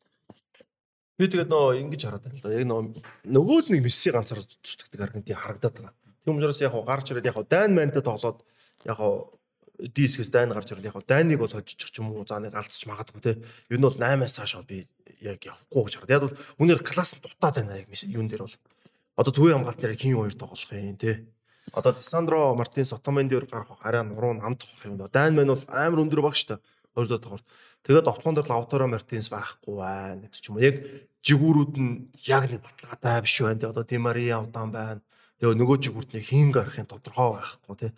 Тэгээ төвийн хагас дээр одоо Гидо Родригес гарах юм уу, Паредес гарах юм уу гэд надад бол Аргентин бол жоохон юутэй л байгаа нэг юм. Эргэлзээтэй л байгаа юм энэ бол тий. Аргентин дээр саяны хэлснээр явж чангараад улам ингээд нэг тоглолтын форм олоод явах боломжтой. Зүгээр Лаутаро Мартинес одоо Родриго де Паултэй энэ хэд эн чинь бас нэг чадвартай тоглогч ч тийм. Энэ хэд нэг уучраа олчвол харин бүр аюултай л баг. Харин хичнээн уучраа олоод олоод бүрэлдэхүүн бүгдээрээ байдгаараа хамгийн сайн тоглоход энэ багт хамгийн дутуу юм бол хурд. Ерөөсөө бүх бүгдээрээ хамгийн топ формоор тоглоо гэхэд хамгийн хурд үн хийн. Бараг Акуни Макуни байна уу ч то. Тийм хурд хурдан хүмүүс их хоор тий. Одоо бодлоо Аргентины хамгийн сайн жигүүр юм бэ? Ди Мария байхгүй. Вингер бай. Тий, Вингер нь Ди Мария байхгүй. Хамгийн амар нь 35 таа. Тий. Тэгээд Ди Мария бүх тоглолтноор гарна. Тэгээд зайлал яг хаа гайгүй тоглож байгаа л да чухал мөчд бол тэр Месси тэр голын амжилтыг өгж байгаа шүү дээ. Гэхдээ тэр болтол Ди Мариагийн тэр жигүүрийн тоглолт идэх юм байхгүй. Би тийм учраас Аргентинд эргэлзээд байгаа байхгүй. Яг хаа Үнэхээр Месси шиг нэг тийм 2 3 нэг баталгаатай тоглож байна. Бодож байна тий. Тэгэхгүй эдгэр чинь ингээд амар тийм юутай орон орон гар. Солилцсон бол одоо Димэрээ суулаа. Димэрэгийн байн дээр баруун зүгт хэн гарах юм? Одоо бус багууд чинь за нэгэн суухад за нэг тэр гарчин да тий. Нэг хүн байгаад байгаа шүү дээ. За тэр нэг гайгүй тоглолчин гэл тий. Иран ядж явах тэр Голисатай хүртэл гарч ирэл бочнуулж шүү дээ. Аргентинд гол нь тийм хүн байна уу гэдэг тэр би тэр тал дээр нас хараад байлаа тий. Дотоороо болохгүй бол Хүлийн Альваресыг шууд гаргаж тоглуул яа. Бараг хамгийн хурдан хамгийн одоо юутай нээлттэй тоглох боломжтой тоглогч нь Альварес юм биш үү? Ер нь үгүй юу? Нэг бол энэ 4-4-2-ын Diamond-ор тоглож байгаа яа тий. Альварес Лаутар 2-ыг 3 тавиад Мессиг ардан тавиад тэгээд хоёр центр нэгдэр Ди Мария тий. Даалуулсан л та. Би одоо бүр Мессиг ард ганцхан тоглоо. Месси ч тэгээд хамгаалтандаа муу шүү дээ. Тий. Яг Diamond гэх юм бол 3 центртэй л гэсэн үг л дээ. Тий, 3 центртэй. Яг нөгөө хоёр нь жоохон. Бүр хоёр жигүүр биш гэж юу? Тэгвэл жигүүрийн тоглохоо байхгүй болчих шүү дээ. Яг тэр хэцүү тийм хин Монти. Уус жигүүр муу байгаа шүү дээ. За тэгээд ерөөсө хоёр жигүүрээ бүр өгшөө хамгаалагчаа оруулъя гэж за бас тэгж л болох юм. Акония Монтел ч юм уу те. Дөрөв гурав нэг хоёр л юм. Скалана тийг тоглохгүй. Яг постэр магадгүй. Эсгээс гараад бол тэгж тоглоод угаасч байгаа эрсдэлтэй л те. Одоо ингэдэж шүү дээ. Багт нэг юу гэж нэг одоо хөлбөр өөртөө одоо манай шил би өөрийнхөө чиг хэрэгэд бид нар 2005 онд ингээд лигийн финалд болчиход хангард ерөөсө хождгоо байсан байхгүй. Ерөөсө хождгоо. Тэгсэн мэт л бусдыг хожоод идэг. Тэгээ финал хангартаа өлдвэ. Бид хэдүүлээ ингээл яах вэ яах вэ. Яг өмнөдөр багаар хилцэж за өөртөө хөлбөрийг гаргая. Тэгэд манайх аварган дээр лигийн 2005 оны лигийн аварган төлөө тис өөр хөлбөр сонгож тоглоод очиж байгаа байхгүй. Сюрприз болж байна. Сюрприз болж байгаа. Тэгэхээр багт юу гэдэг чимдээ тийм нэг хөлбөрийн тодорхой хэмжээний өөрчлөлт бас нэг сэргэлт авчирдаг. Одоо би энэ Аргентин почтод тосоо баг иймэрхүү хөлбөртэй. Альварес Лаутаро хоёрыг хамтдан гаргадаг ч юм уу. Болохгүй Альваресыг юун дээр төвчж болно шүү дээ зүүн дээр зүүн товтлогон дээр Мессиг Димаригийн баруун насан төрөө урд найруулдаг ч юм иймэрхүү байдлаар тоглож үзэх хэрэгтэй. Тэгэхгүй тэгэл поштер нөгөө л Димария нөгөө л хуучны баг гарах юм бол яг л адилхан. Ямар өөрчлөлт гарах юм тийм үстэй. Тэр нэг жоохон нэг өөрчлөлт постэр гаргаад тэр өөрчлөлтөд буцаагаад юу л оролцож чадсан шүгэ 16-д энэ бүртгэн дахиад тоглохгүй. Яг бол ийм жоохон өөрчлөлт багийг сэргэдэг байхгүй. Тактикийн өөрчлөлт, тоглолтын юм аяа нэгтгэх тэр бол би бол нэг тиймэрхүү байдлаар сарыг харж байна. Сайн хэсэг дээр нэмэгдэл байгаа. Одоо бүгдийг л хилчлээ дээ. Сауди Арабитай почта сайн тоглосон шүү. Өөрөөсөө боломжууд бол маш их алдсан. Нэг хэсэг бол илүү тоглосон шүү. За, ди хэсэг. За, ди хэсэг бол одоо юуны дэлхийн аваргын хасагдах шат руу одоо нэрээ хамгийн түрүүнд баталгаажуулсан эхний баг тий. А Франц хэсгээс шалрах нь тодорхой болсон. За, тэгээд Франц бол юг Даник 21 ярцтай хоцсон Мбаппе 2 гол хийсэн. Австрал харин одоо Свиден оноос хойш анхны хожуулагч юу? Тэ? 6 он. Тэгээ 6 оноос хойш анхны ажил авлаа Түнисийг буулгаж авсан. За гэтээ ямар одоо энэ ажлын ачаар мэдээж хэсгээс гарах том боломжтой болж байгаа. За өнөр тоглолт тэгээд Австралийн тухай эхлээд яриа. Австралийн шиг шоуг бол үнэхээр бас алга ташч баяр хүргэмээр хитэн баг нэг байсан. Тооцоолгоод болж байна. Австрали үнэхээр Австралийн шоугийн жил ингэж том од байх. Одоо адаглал нэг од том од байдаг. Премьер лигэнд олж байх байх шүү. Ерөөсөө Шотландын лигийнхэн л байгаа шүү дээ. Тэгээд ерөөс Европын том баг тоглодог юм донд ер нь баг. Тэгээд тийм баг болсон. Тэнгүүт энэ баг энэ жил яаж тоглох вэ гэхээр бүтэн багаараа тоглохоос өөр аргагүй болсон. Австрали сая Тунис эсрэг яг тэгж тоглосон. Бүгд хамгаалсан, бүгд товтлсон. Тунис товтлоход Австрали бүгд хойшоо. Тэр одоо Австралийн гол үндэс нөгөө гүд гүдвин зүүн жигүүр тоглож байгаа гүдвин үнэхээр за баруун жигүүр леки байгаа. Гэхдээ энэ хоёр хүртэлбэр хоошоо орж ирж хамгаалчаад 16 дотор орж хамгаалчаад товтлоход явж байгаа. Тэгээ Австрали бол энэ өдөр үнэхээр мундаг тоглосон чанартай сөрөг давталгаа хийсэн, нэг мөргөж гол хийчихэд багаараа хамгаалсан. Тэгээд солилцоонууд нь хэцүү. Хамгийн их нөө урд тоглодог. Урд тоглодог хүмүүс чинь хамгаалалт хоошоо ирчихэд давталгад урагшаа явна. Хамгийн их ингэж явдаг хүмүүсээ бүгдийн солио солиод шинэ хүмүүс орж ирж. Тэд нар асуудал. Австралийн бол тактик мундаг байсан. Австрал хэрвээ зүгээр хэсгээс гарах юм бол за 16 дотор 16-д хожно гэж би хэлэхгүй зүгээр хэл зовоон да нөгөө 6 оны австрал шиг л зовоо. За Аргентиндээ дараал Аргентиний зовоо шиг том бит юм байгаа шээ. Одоо ингэж хараад байна шүү. Дайн яг үндэл тогтлох муу. Дайн бол хамгаалт нь бол яг дайж үзээ. Дайн хоёр тоглог ганцхан гол хийсэн тэр булангаас л мөрөж хийлээ шүү дээ. Дайн тогтлохоо айгүй муу. Тэгэхээр баг энэ Дайн Австралийн тоглолтын дээр Австрал баг тэгтгээр ч юм уу нэг нэгээр ч юм уу тэнцээд хэсгээс гарахтын боломж харагдаад байгаа юм байна. Яг бол дайны дээр төнөөстэйсэн тоглолтыг харсан юм шүү дээ. Амар довтлоонд юм үл. Төнөөс илүү тоглосон шүү дээ. Тэгээд тэр Деланийн дэлхийн аврал дуусгачлаа төвийн хастар. Тэгээд дайны хувьд бол яг төвийн хастар бол Хойбер Кейтер сайн байгаа л да. Эриксэр. Гэхдээ үнэхээр нэг тийм уртлын шугамдаа тэр Паулсон байхгүй, Брейтвейт байхгүй. Ерөөс яг тийм урд гол ичих довтлож хортой л хэвтэй байна. Тэгэхээр баг багийн хэсгээс Австрал хоёроор авах бол үүсэхгүй байна шүү дээ. Австрал тэнцэд л гарна шүү дээ. Тэгээд Түнис Францаас оноо салгана гэдэг хэцүү. Яг гоо түн Австрал бол биш ээ. Франц бол хэсэг салгах нь тодорхой болсон болохоор арай сул бүрэлдэхүүн сольж тоглох бах. А тэгсэн ч гэсэн Түнист одоо юу гэдэг хожигдно гэж бол одоо бараг байхгүй болох. Би бол ингэж бодож байна. Франц нэмэх 3 бөмбөгтэй. А хэд 4 байна уу те? Нэмэх 4 бөмбөгтэй. Франц за Түнист хожигдлоо гэж бодъё. Хожигдсон нэгээрээ гарна. Яг бол бөмбөг толгом бол Австрал Түнисийг угаасаа Австралич баг хасахтай байгаа шүү дээ. Францыг бол дийлэхгүй байхгүй. Тэгэхээр Франц угаас 2 дугаар бүрэлдэхүүн гаргана. Эмбапе суун, хин суун тэр, Дембеле тэр суун. Яг бол одоо энэ дэлхийн урагч нь бид нар бол тайлбараар зөндөөлж шүү дээ. Цөөхөн хоног тоглож байгаа учраас нэг тоглолт амар нэдэг ерөөсөө маш том сэргэлт байхгүй. Тийм учраас энэ дээр бол баг би бол Францыг бүтэн солих. Тэгин тэгин. Бүтэн солиод яг 11 сэлгийн тамирчин гарч ирээ. Тэгээд тэгээ гол тоглогчтой төгсгөлийн 30 минут 20 минут тоглол. Тийм. Бас матч фитнес та. Яа А тий яг матч фитнес. Матч фикс гэж сонслоо шүү дээ. Нөгөө нэг хэдүүл яриадсан нөгөө евро еврогоор тайлбар дээр та хоёр их гоё ярьжсэн нөгөө тоглолтод орж ирээд бөмбөгөнд хүрээд тэ ингээд тоглолтод орох гэдэг айгуу чухал. Тэгэхээр сүүлийн хэдэн дор бол гаргаж ирээд жоохон гүйлгээд тэ ингээд нэг бас мэдээж нөгөө нэг амбиц байгаа л да нэг гол мол нэмэхтэй амбапа энэ чинь. Тиймэрхүү юмд линкс ер нь бол бас тийм л байгаа. За а энэ хэсэг дээр нэмэх зүйл байгаа. Тийм тэгээд одоо ямар ч сан Франц ингээд баг нэгээрээ гарчих бах. Тэгээд би бол яг суух хүмүүсийн юм бол Дембеле Эмбаперийг яг 45 45 тоглож магадгүй нэг нэгээр шилээд тийм. Чүмэний уусуу. Чүмэний чинь гимчих гээд байгаа шүү дээ. Гол тоглогч. Ерөөсө чүмэний байхгүй нэг дуугаас эвгүй билээ. Тэгээд Камавинга гаргаж ирэх бах. Яг бол энэ ингэж байгаа байхгүй. Залуу тоглолчдоос ингээд дэлхийн аваргын тоглолт нь гараан дагаад дотоо өнөрлүүлнэдэг дараа нь 8 дээр ч юм уу шүгэн 16 дээр хууц ч юм уу гэмтэл бэртэл ямар нэг асуудал гараад эдний талбайлаар гарцсан те тоглолцсон байдаг учраас хамаагүй өөр тоглолтод орж ирнэ те тэр бас айгуу чухал тэгэхгүй тэгэл огт талбай дээр гарч байгаагүй залуучдыг Гендүзи, Каоминга гэдэг талбай дээр хахмал эдгээр ч тоглож чадахгүй шүү дээ. Сая Фофана хүртэл гаргасан шүү дээ. Тий, Юсуф Фофана хүртэл. Одоо бараг Юсуф Фофана, Гендүзи ч юм уу тиймэрхүү Каоминга ч юм уу тийм гараад өгөө хастар. Бараг тэр гурав мууч гарч магадгүй шүү. Тий.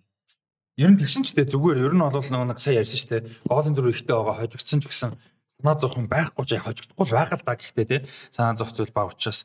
А тэгээ одоо энэ Коло Муани, Маркус Тюрам энэ ингээ боломжууд бас олдох гэдэг шүү дээ. Салиба энтер гээд тоглогчдод. За тэгээ дээрэс нь Францыг ер нь цаашаага одоо ер нь юу ихэр явна гэж бодож байна. Сая Аргентины мэдээж боломжийг ярьсан тий. Англиг бас ярьсан. Аа юг Англи за Англи Нидерланд төр жоохон нэм ярьч. Цаашаа хасах руу нэр явна гэж бодож. Эдгээр чи хэсгээ дуусчих. Тэгээд дараа нь ярьж.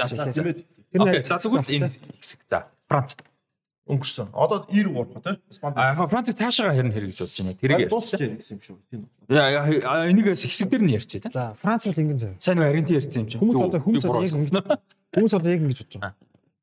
Франц маш хүчтэй эхэлсэн. Австрал 4-1. Сая Даныг хөдж чинь тий. Яг энэ өндөр ихсэн баг гэж бас байдаг шүү. За хэсгийн тоглолт дууслаа. Хүн бүхний толгойд юу гэж боддог гэхээр хэсгийн тоглолтоор дүгндэг. Тэр хамаагүй. Хэсгээс юу болсон хинт ч хамаагүй гараал ирсэн л бол болоо. Тэр хэсгээсээ бут нэргээд гарч ирсэн байна уу? Арай гэж гарч хамаагүй. Яг хоёр баг толгойд яг тэр өдрөө шийддэг. Тэр өндрөөр гарч ирсэн баг үнэхээр супер агууд өндрөө явсараа дуустдаг. Өндрөө нэг алдсан баг би нэг түрүүнээс доороос дээш явсан баг сайн тоглолт. Ингэж байгааг нэг игт бол нэг шатна. Чи юу шүү. Бац эвгүй шүү. Хүмүүс одоо ингээд өндөр эхлэнгүүт нь за ална ядна энэ биш. Энэ бол эргээд хортой. Одоо нэг график нь доошлоод доошлоод яг нэг доошлог дээр нэг 16-ад 8-д нэг юу багтад харахад маш эвгүй шүү. Одоо Францыг хэдэн оноос хойш юм дээ. Дэлхийн аварга хамгаалсан баг гэдэг хамгийн сүүлд хизээ үлээ. Бразил уу юу илээ? 60 жил өнгөрч байгаа. 1958 онд 58 Бразил төрүүлээ 62 онд нэг 60 өнгөрч байгаа. Дарааш төрүүлээгүй. Тийм. Тэгэл тэрнээс хойш байхгүй шүү дээ. За Францын шоуг та яг санаж байл шүү дээ. 2000 98 оны дэлхийн арга шалралт байсан. Муу ихсэн шүү дээ Франц. Тэндээ нөгөө нэг юутай. Нөгөө нэг Сауд Сауд Араб их арай гэж хожиж ихсэн шүү дээ. 98 онд. Яг хоо Сауди Арабд төгсгөлд олон гол хийдэ. Тэн дээр Тэгээд нөө шүү Тийм. дээ. Дөрөв нь. эхэндээ бол ер нь амар удаа шүү. Эхнийх тоглолт. Эхнийх Сауди Араб. Сауд Араб тийм. Тэгээ өмнөд Африк тэгээ даана. Аа тэгээд Франц хасагдах шатнд ч муу болсон. Парагвай. Тэгээ Италитай тэгдэг. Тэгээд явж иж Франц Хорватыг 2-1 арай шүү. 2-1, 2-1. Арай шүү. Тэр он тийм. тэгж жаад Хоёр хэд. явсан. За 2006 оны Франц яала. Бүр хэсэгс гарахгүй гарахгүй. Тоого биш Швейцартай тэнцээд, Солонгостой тэнцээд Зидан нөгөө нэг ингэсэн юм одоо гараад байна шүү дээ. Тэ. Тэгээд тэд нар чи яваад тоглолтоос тоглолтод сайжирсан шүү дээ. За 4 жилийн Франц эхлээд Австралитай маш муу тогссон. Франц маш муу тогссон. Дараа нь Перутай муу тогссон. Тэгээд Данте муу тоглоод тэгээд хасагдах шатнаас эхлээд Франц дэш ингэ явцсан шүү дээ. Аргентиныг хожоод пат пат пат пат явцсан шүү дээ. Тэгэхээр дээрээс эхэлдэг багч нь эдтэй бурхан маань хэцүү шүү. За. За энэ хэсэг ингээд ди хэсэг те дуусч байна. За тэгэд а, өнөөдрийн дугаар дээр дэмжиж ажиллаж байгаа Web Sports Lounge хамт олондоо баярлалаа түрүүн хэлжсэн юу байгаа. А, YouTube-оор үзэж байгаа бол ер нь аваад сонсон ч гэсэн YouTube руу орж ирээд комент бичээрэй. Гурван тэмцээнд одоо тустай амьд өрсөлдөх боломжтой.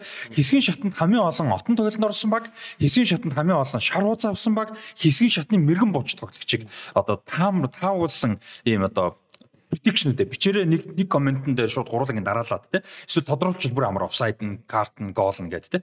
Боч нь гэдэг. Тэгээд 11 сарын 30-ны а 10 цаг цагаас өмнө багтааж энэ комментиг бол одоо бичсэн байх ёстой шүү мэдээж тэгжээж одоо тоглолтууд явцсны дараа бичихгүй гэсэн ийм дүрм гарч ирнэ. За тэгээд гурван хүнийг бол шалгаруулан нэг хүн 3 удаа ялах бо одоо гурван нь ялах боломжтой хоёрт нь ялах боломжтой. Ялсан хүнд нь 50 мянган одоо ирэх бол гардуулна. Нэг хүн одоо хоёрт нь ялчих юм 100 мянга ирэх үйлчлэг нэг те веб спортс лаунчуд үйлчлэх ийм ирэх авнаа. За тэгээ мэдээж өнөөдрийн дугаараар спонсор ажиллаж байгаа, ивент итгэгчээр ажиллаж байгаа Хас банкны хамт олондоо баярлалаа. За Хас банкны итгэжүүлэлт бол бас явж байгаа дөнгөсөө мэдээлэлсэн тэр мэдээллийг нэмээд өгөө. Тий, одоо бэлэглийг одоо энэ дэлхийн аваргын нэг визатай хамтраад аль биесны картыг гаргаж байгаа шүү дээ. Тэгээ энийг давуу тал нь юу юм бэ? Одоо визагийн аль биесны ингээд картыг гаргахаар дагаад маш олон бэлэг ирдэг одоо бөмбөг адидас юм те. Одоо бэлтгэлийн одоо цүнх ч юм уу, малгай ч юм уу маш олон юм ирдэг. Тэгээд юу яаж байгаа? 7 хоног болгоом нийт 6 ац натруулж байгаа 5 хүнд одоо бөмбөг За нэг хүнд болохоор Adidas-ийн пакэж багц одоо өгч байгаа. Одоо хоёр бөмбөгтэй нэг жижиг том бөмбөг тэгээд малгайтай цүнхтэй гэдэг. Тэгэхээр та хас банкны энэ дэлхийн аваргын одоо картыг захиалаарай тэгээд захиалсан хүмүүс дундаас яг нөгөө гүйлгээ хийсэн хүмүүс тодруулж байгаа шүү. Тэгэхээр бас эн чинь бас боломж айгүй их байхгүй. Яг карт аваад одоо та ч гэсэн ингээ гүйлгээ хийх мөтөр чинь ингээ гараад ш. Одоо маань азсан тодруул нанжид дээр гараад. Оо манай нанжид аврах болсон байна ингээ хэлэх нь шүү дээ. Тий. За амны бэлгээс ашдын бэлгээ. Сайн нөгөө нэг Европоор ажилдаа явахдаа Аспанкны картаа ашиглаж амьдсан уу? Арай амжаагүй. Юу байсан ш нөө? Төгрөгийн картаар урд нь ингээ гадаад явахлаар болдгоо байсан. Хас банкны виза энэ дэлхийн аваргын төгрөгийн карт чинь Монголч ашиглаж болно гадаад ашиглаж болно айгүй амар. Тэгээ шууд ингээ төгрөгийн картаа зураа зураал. Тэгээд Зараал зараал яцсан. Тэнгүүд нөө мэдээ ирж байгаа байхгүй. Нэг юунд нэг пош юунд нэг жоохон нөө заримдаа нэг жоохон алдаа гараад шүү дээ. Тэгээ деклайн гэдэг гараад ирэхгүй. Тэгсэн чинь шууд мэйл ирж илээ асуухнаас. Та энэ дэлгүүрээс 3 удаа гүйлгээсэн байна. Нэг нь яасан. А тэр өдөр нэг нь ингээд деклайнад болсон ингээд хоёр нь ингэсэн байна. Та ингээд ингээд хийгээд гоё. Юунд ирж илээ шууд мэйлэр. Тэгэхгүй ингээд зарим банк чинь ингээд шууд хаачдаг байхгүй айгу мангар. Хүн гадаад явж байгаа ш тийм биз дээ. Шууд хаадаг тийм картууд байдаг шүү дээ. Тий байдаг тий. Тэр нэг 2 3 ингээд дараалал манай найз чинь тэгж байгаа сууж байгаа. Энэ нэг газар 2 3 зурчаад наад чи хаац тийм айгу мангар гэдэг юм байна. Тэгэхээр энэ дэр бол тийм хаах гэсэн шууд ингээд боломжлол ирээд анхааруулга ирээд тэгээ анхааруулж жагаад хүн бичин штэ. За ийм юм учиртай гэдэг хүн хэрвээ алдцсан гэж бичих юм уу гэдэг чинь хаа чинь те. Тэгвэл нөгөө нь ямар нэгэн хариу бичихгүй ч юм уу нэг бол ингээд окей болж гэнэ гэдгээ бичих юм уу гэдэг хөрвүүлээ. Тэгэхгүй тийм хаа ч нөгөө надад гадаадд хүн багтыг ард авч ямар ч мөнгөгүй болно штэ. Тэрийг бас аюулсан бодолцож хийсэн байлээ шүү. Би бас явж байхдаа юу яасан карт хэрглэж таарсан. Тэсвэл Германд явж байгаа нөгөө наашаа ирэхийн өмнөхөө юу аваад Panini sticker аваад анх удаага ингээд альбист Panini sticker авч үзлээ дэлхийн аваргын. Тэгээ авчаа тэрийг бичлэхээ яасан чи яг тэрийг авахтаа амар дэлхийн аваргын үүтэй картер очсон багаар амар фокс амар кул санагч. Тий. За Нэг засварлах уу? За тэгээ энэ бид нэг тавчхан завсралч. Тэгээд э, үлдсэн дөрөв хэсгийн хадлаар ярилцгаая.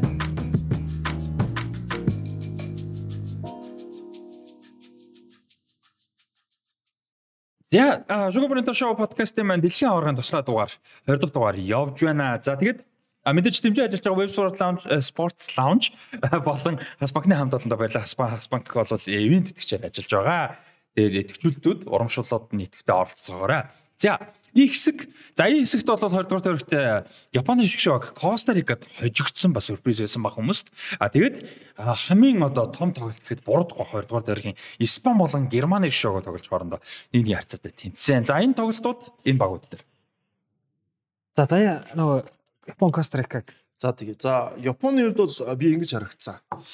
А нийт Япон бол эхний тоглолтноор Германы эсрэг одоо юу гэж юм да гарааны бүрэлдэхүүн сэлгээ маш гоё тийм яг зөв тактикийн дагуу явсан бол Кострика дээр арай бардцсан уу? Нэг бол ер нь бол гарааны бүрэлдэхүүн аяг буруу гарааны бүрэлдэхүүн гарцсан. Яг л дэлхийн орд орж байгаа баг 7-0-оор хожигдсон ч гэсэн дараагийн тоглолт бол өөр шүү дээ. Тэгээ Кострика Испанд болохоор Кострика Японд бол өөр байхгүй юу? Яг бол Испани бол угаасаа ийм жижиг багуудыг төв яхсаар зүгээр идэж удаг байхгүй. Идэж удаг бүр. Испани бол жижиг багуудыг сайн очдог. Том багуудад очигддаг байхгүй бол. Тэгэхээр энэ тоглолтын дээр Япон дээр дасгалжуулагч Мориасыг бол гарааны бүртгэн айгүй буруу гараа гаргасан энэ бол. Тэгээд Япон бол яагаад буруу гараа гаргасан бэхээр маш их сонголттой. Яг үндэ бол Япон бол. Тэгэхэд маш олон одоо аналистууд бичиж яагаад Митомог хоёр тоглолтод гарааны бүртгэн гарахгүй байгаа юм. Ядч нэгэнд нь гаргаж байгаа. Энэ тоглолтын дээр Метомошод болж маш хэрэгтэй байсан. Метомо талбайтаар орж ирээд яг Японы гол болж бол хамгийн аюултай хоёр тоглолтыг зүүн зүрээс гаргаж байгаа шүү дээ. Бүр маш амархан хураал гарч иж байгаа Метомо. Угаасаа Брайтон тэгж толж байгаа энэ жил.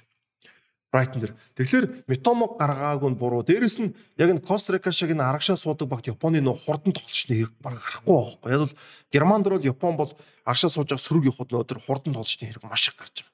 Гэтэл энэ Кострика шиг энэ тоглолтын дээр яасан бэхээр илүү нөө нэг ухаантай, илүү сул зай руу гүйдэгтэй, илүү зай одоо гаргадаг, илүү толгойгоо ажлууд тамирч хэрэгтэйс. Тэр тоглолч нэмэхлэр Такуми Минамино байхгүй. Тэгвэл Минаминод баг 10 минут хүрсэн үгүй те минут өгж байгаа. Яагаад тэгэхээр ийм тоглолтын дээр том баг тоглож исэн том тоглолтын дээр ийм хамгаалдаг багээс яаж тоглохыг ойлгодог юм нэмэрч байгаа бол их чухал байдаг. Энэ дээр Минамино айгу баг цаг өгсөн айгу том буруу шийдвэр гарсан. Тэгээд асуужуулагч бол энэ Кострика дэсэн тоглолтыг алдсан. Ядаж тэнцсэн бол Японд айгүй том боломж болсон. Одоо ингээд ахаад Испанийг очихосоор даалгавартай болж байгаа байхгүй. Тэгээд Кострика яг энэ тоглолтын дээр бол яг Японы эсрэг сайхан сууж тоглож байгаа. Яг Японы Германд эд тоглолтыг хийцэн тэ. Хамгаалж байгаа сайхан сайхан сөрөг товтлогыг хийсэн. Гэхдээ а тэр Тэхэдагийн тэр бөмбөн дээр Японч өөртөө алдаа гаргаа Тэхэдэ оршоогоо дамжуулдаг тэр гол ерөөдөө орсон тэгээд Японы бол одоо үнэхээр одоо том тоглолтын дээр том тоглолцсон бол жижиг тоглолт нэр харахгүй нөгөө жижиг тоглолцсон доо би бол тэгж хэлмээр байна. За Японы шоу гэхлээр Германыг хожоод хүмүүхэн ингээд мундаг байрлааг мэн гэжсэн. Тэгээ би ягаад чи нэг яг тэг телевизийн хүрээнд л ярьцлээсэн л та. Костарик бол Японы эсрэг сайн тоглоно шүү.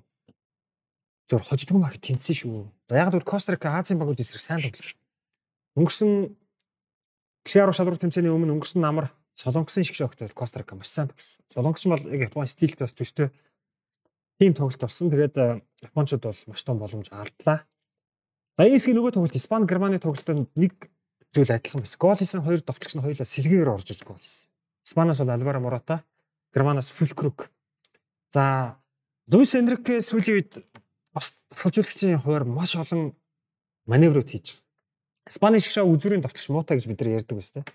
Жирар Морено гэмтэл бол бас энэ удаа ороогүй. Тэнгүүт мань хүмүүний толгойд юу гэхээр өнгөрсөн 100 Марко Асенсио гişг шогт дуудсан. Асенсио шиг шогт 2 жил шиг шогт дууддаг байсан.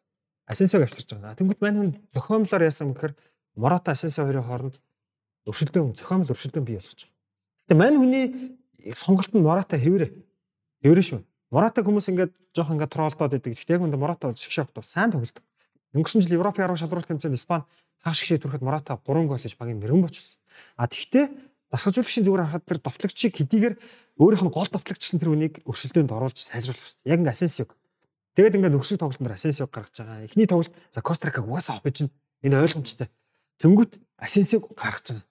Тэнд Моратаг гарах бол Мората би нэгдүгээр товтлогчгаа бодчихно. Тийм биш. А тэгээ Моратаг төгсгөлд гаргаж зориуд нэг гол хийх гэж те. Жижирүүлсэн ш траст те. Тэгээ Мората нэг гол хийх гэж өөрт нь маш хэрэгтэй болчих. За хоёр дахь тоглолтын дээр Асенсиог гаргаж. За тэгээд ингээд яг Мората тэнцээ одоо ингэж явах үед нь гаргаж гол хийлгээд одоо үүнээс хойш яах вэ гэхээр мань хүн бол Моратаг үндсэн тоглогчороо тоглуулад эхэлнэ. За яг Япон дэр нэг удаа юу яаж баг. Одоо нэг Япон дэр Испани гарах магадлал бас нэлээд өндөр байгаа шүү дээ. Оноо сайтай бас гол сайтай байгаа. Тийм болохоор Япон дэр Асенсог нэг удаа үндсэн тоглогч хийлгээд Тэгээ Моратаг солио. Тэгээ түүнээс хойш ерөөсөө л Мората гараад л явах. Тэгээд Асенсо сууд сууж хагаад магадгүй хасагдах шатнд эвгүй тоглолтын дээр илүү өлсгөлэн байлгаж байгаа. Би бол Луис Энрикийг ийм асалжуулагчийн өөр одоо бас бодлого хэрэгжүүлж байгаа гэдгийг би анзаараад байна л да. Тэр бол яг squad management байгаа шүү дээ. Бүрэлдэхүүний менежмент. За тэр менежмент нь харин одоо цаашдаа илүү үр дүн өгч чадах юм бол хасагдах шатн дээр харин бүр одоо эрг үр дүн гарах уугүй гэдэг бас сонирхолтой байна. За Испани Японы тоглолт бол нэлээд гой тоглолт болсон. Ширүүнд гой тоглолт болох хоо энэ бол. Тэгээд яг хуу Испанид бол Германы бодох юм бол төвийн ах сайт учраас төвийн ах сайт Японы эсрэг сайн тоглох байхгүй. Япон бол одоо тасгалжуулагч бол нэг гол тоглолттой нөгөөд шаардлага алгаагүй шүү дээ. Доор тэр Минамино Минамо өдрөө баг гуршаад автгаар гараанд гарах. За Минамино сууж магадгүй тоглолт нэр. Метомо бол угаасаа гарна одоо гарахгүй болохгүй гэдгийг бол Метомо ч гарч ирээд ерөөсөө хоёр тоглолт нэр хоёулын дээр бүх гол тоглоомнуудыг эхлүүлсэн шүү дээ. Тэгээд юу ямар санагц надад бол а би одоо энэсгээс харахад Герман магадлал нь би айгу өндөр боловч хараад байна шүү дээ. Яг гэх юм бол Испани хожигдохгүй байхад болох байхгүй юу? Испани хожигдохгүй л болоо. Япон Испаниор тэнцгэлтэй. Герман Кострикаг нэг 2 юм уу 3 бөмбөр очиход бөмбөг толоод Герман Японы дээр гарчих байхгүй. Тэгэхээр би бол энэ дээр бол Германыг бол боломж өндөртэй өндөртэй гэж харж байгаа. А харин Испани сая Германыг хожицсон бол сүүлийн тоглолтын дээр Испани Япон дээр бол ерөөсөө сэлгээ гаргана. Угаасаа Япон хожсон ч голын зүрээр Испани гүйцэхгүй. Тэгэхээр тэр оноогоор гүйцэхгүй. Юу Испани очицул 6 оноод Япон 3 оноод шүү дээ. Япон онцлогод адилхан 6 олно шүү дээ. Гэхдээ голын зөвгөр угаасаа гүцэхгүй. Тэгэхээр Испани бол сая Германыг хожицсон бол юу авах вэ? Япон баг хэсгээс гарах магадлал айгүй өндөр болчих. Испани 2 дугаар баг гарч ирээд. Тэгсэн чинь германчууд бол яг өөрсдийнхээ ам аврах тэнцэн нэг болоо оруулсан л. Тэгэхээр би бол энэ дээр бол Германы боломжийг бол нэг баг гэж харахгүй байгаа юм. Герман сайн боломж боломжтой. Боломж өндөр. Би Испанчууд ингэ авах. Испани Германы хэсгээс гаргана заа. Гаргана, гаргана. Энэ энэ айгүй чухал. Ягаад вэ гэхээр шүү дээ. За Герман бол мэдээж агуу улс, агуу гүрүү. Германчууд түүхэндээ Италийн эсрэг жоохон тааруу тоглолтой. А орчин үед Германы эсрэг сайн тоглож байгаа баг Испани байхгүй. Испани одоо 2008 оны Евро, 2010 оны дэлхийн арга шалралт сая ингээ Европын үндэсний лиг 6 тэгэр хоцсон шүү дээ 2 жилийн. Испани бол өөрөө Германы эсрэг сайн тоглоо. А Испани Германыг гарган заяа. Герман ч нөгөө талаар яваад нэлээд тийм цэвэрлэгээ хийж байгаа дараа нь таарах ч юм уу. Магадгүй бас байх шүү. Тэгэхээр за Испани тэгээд өөрсдөө шудраг тоглоно. За Испаний хувьд ингээд нөгөө талаас Марокко Монголтой хоёроор гэж би бодож байсан боловч үгүй юм байнамаа. Ер нь бол Испанигээр Герман хоёроор. Япон сая боломж алдсан. А Германы тэр хүл крок хийдэг гол ч учиртайг болохгүй. Тэгш тийм тийм. Утгагүй гол биш. Тэр бол ингээд Германы юуг нь аваад үлдчихэж байгаа байхгүй. Япон л өөртөө боломж алдсан. Өөртөө боломж алдсан. Япон бол сая Кострикад тэнцсэн бол ерөөдөө шал өөр бас юм бол боломж нь яаж тэнцсэн бол тэгээд яхаараа фул крокийн гол ч гэсэн сүүл рүү орсон, хэний гол ч гэсэн сүүл рүү сүүл рүү орлоо л доо Кострикийн гол ч гэсэн тийм. Японы бол гэхдээ Японыг харъя. Япон бас бүрэлдэхүүн сайн бадгаа Испанийг хоцчих магадгүй шүү бас нарийн ярил. Тэгтээ бол амаргүй. Яг одоо Луис Энрик одоо юу гэж бодож байна? Саяных бол хамгийн бодиттой хувилбар. Мань үн чи одоо хоёроор гараа явах юм болоо. Одоо Марокко энтраа амлаж авах юм болоо. Ер нь хоёроор гарч бодохгүй л хөтэй. Тэгэл өөрсдөө зүгээр тоглогоороо тоглоод нэгээрээ гарч гараад дэлхийн ордоор хоёроор гарах солиорч одоо өөртөө мулт үсэрчүүл яана. Тийм тийм тооцоо Тэгээд би ингэж бодсон. Герман чинь өмнөх дэлхийн ордорыг ингэсэн шүү дээ. Шведийг өчөд 3 оноотой за ингээд Герман цаашаа явна гэсэн чинь сүүлийн тоглолтоор Солонгос очигдсон шүү дээ. Солонгос хожигднож бодоо. Тэгэхээр Кострикаг бол бид нар бас хамаагүй дутуу унж болох. Одоо одоо Кострика дууссан. Одоо дууссан. Зөвөр одоо хэлчихэ. Би Кострикийг ихлэ цөм хожигдох дараа би хэлж шээ. Эвгүй шүү. Одоо дууссан. Одоо дууссан. Кострика одоо тэнцгийн төлөө олно шүү дээ. Германы эсрэг. Одоо нэг за 3-0-оор л дууссан тэр тоглолт. Герман одоо тийм 3 тэгэр л дууссан. Гэтэ үнэхээр Испани Японыг хожоод Кострика тэнцээ гарчиж гарчин гэсэн бас боломж байгаа л да. Тэгэхээр яахгүй юу? Гайгүй тоглож чадахгүй юу? 18 он тэгж бодож ирсэн. За Солонгос дууссан. Солонгос ч 2 өчгдсэн байсан шүү дээ, тий. Солонгос дууссан гэж бодож ирсэн бол Солонгос Германыг 2-0 хэлсэн шүү дээ. Одоо Кострика дууссан. Яг л Кострика эхний тэр амар хожигддаг тэр хожигдлын павраараа сая тоглож байгаа байхгүй. Нэр шүү. А тэнгууд одоо ингээ хожингууд ямар ч тамирчтай хожино гэдэг чинь өөрөө оноо авч байгаа юм шиг боловч тэр чинь сэтгэл зүйд айгу суул тал болдог байхгүй. Яалт гэдэг чинь яалт таавнууд чинь бас бас суул юм байдаг шүү. Тийм павер байхгүй юу. Аа хожигдлын павраараа сая явсан шүү. Би нанчтай юутай санал нийлж байна. Испани нэгээр гараад Герман хоёроор гарах байх. Ер нь бол. Тийм тийм яг одоо prediction гэвэл те тийх баха. Гэхдээ сонирхолтой сонирхолтой. Энэ л тийм амархан тоглолтууд бол болохгүй л. Ер нь ер нь бол Испани мултрах боломж бол маш бага шүү дээ. Япон хожцоо ч гэсэндээ Герман дөрөв нот болоод голоор барахгүй байхгүй. Тэр 7-0 ч юм бол 7-0 ч юм бол бас айгүй том юм болчихж байгаа. Тэ Испани. 8 голын зөрүүтэй байгаа шүү дээ хооронд. А Герман одоо Кострикаг ингээд одоо 3 мураар хожоод гарах юм бол цаашаа юу шүү. Мм. Германы тоглолт бол бүр яг Евролоос дээшээ гарч байгаа шүү. Тэр цикл амар чухал шүү.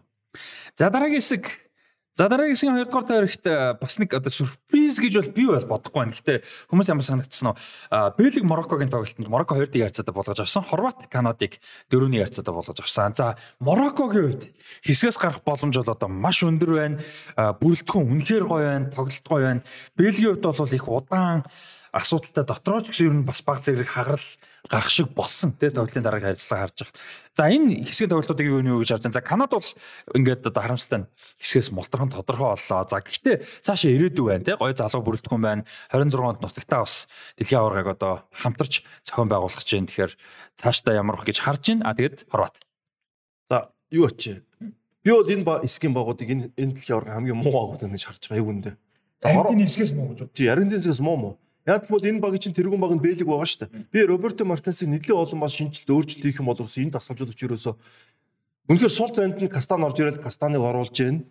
Тэгээ Онанаг үнэхээр сайн байсан учраас орж ирж байгаа бас яг үндэ нэг дасгалжуулагчны гой шийдсэн гой мэхөөд шүү дээ. Юу ч байхгүй наад чинь бэл.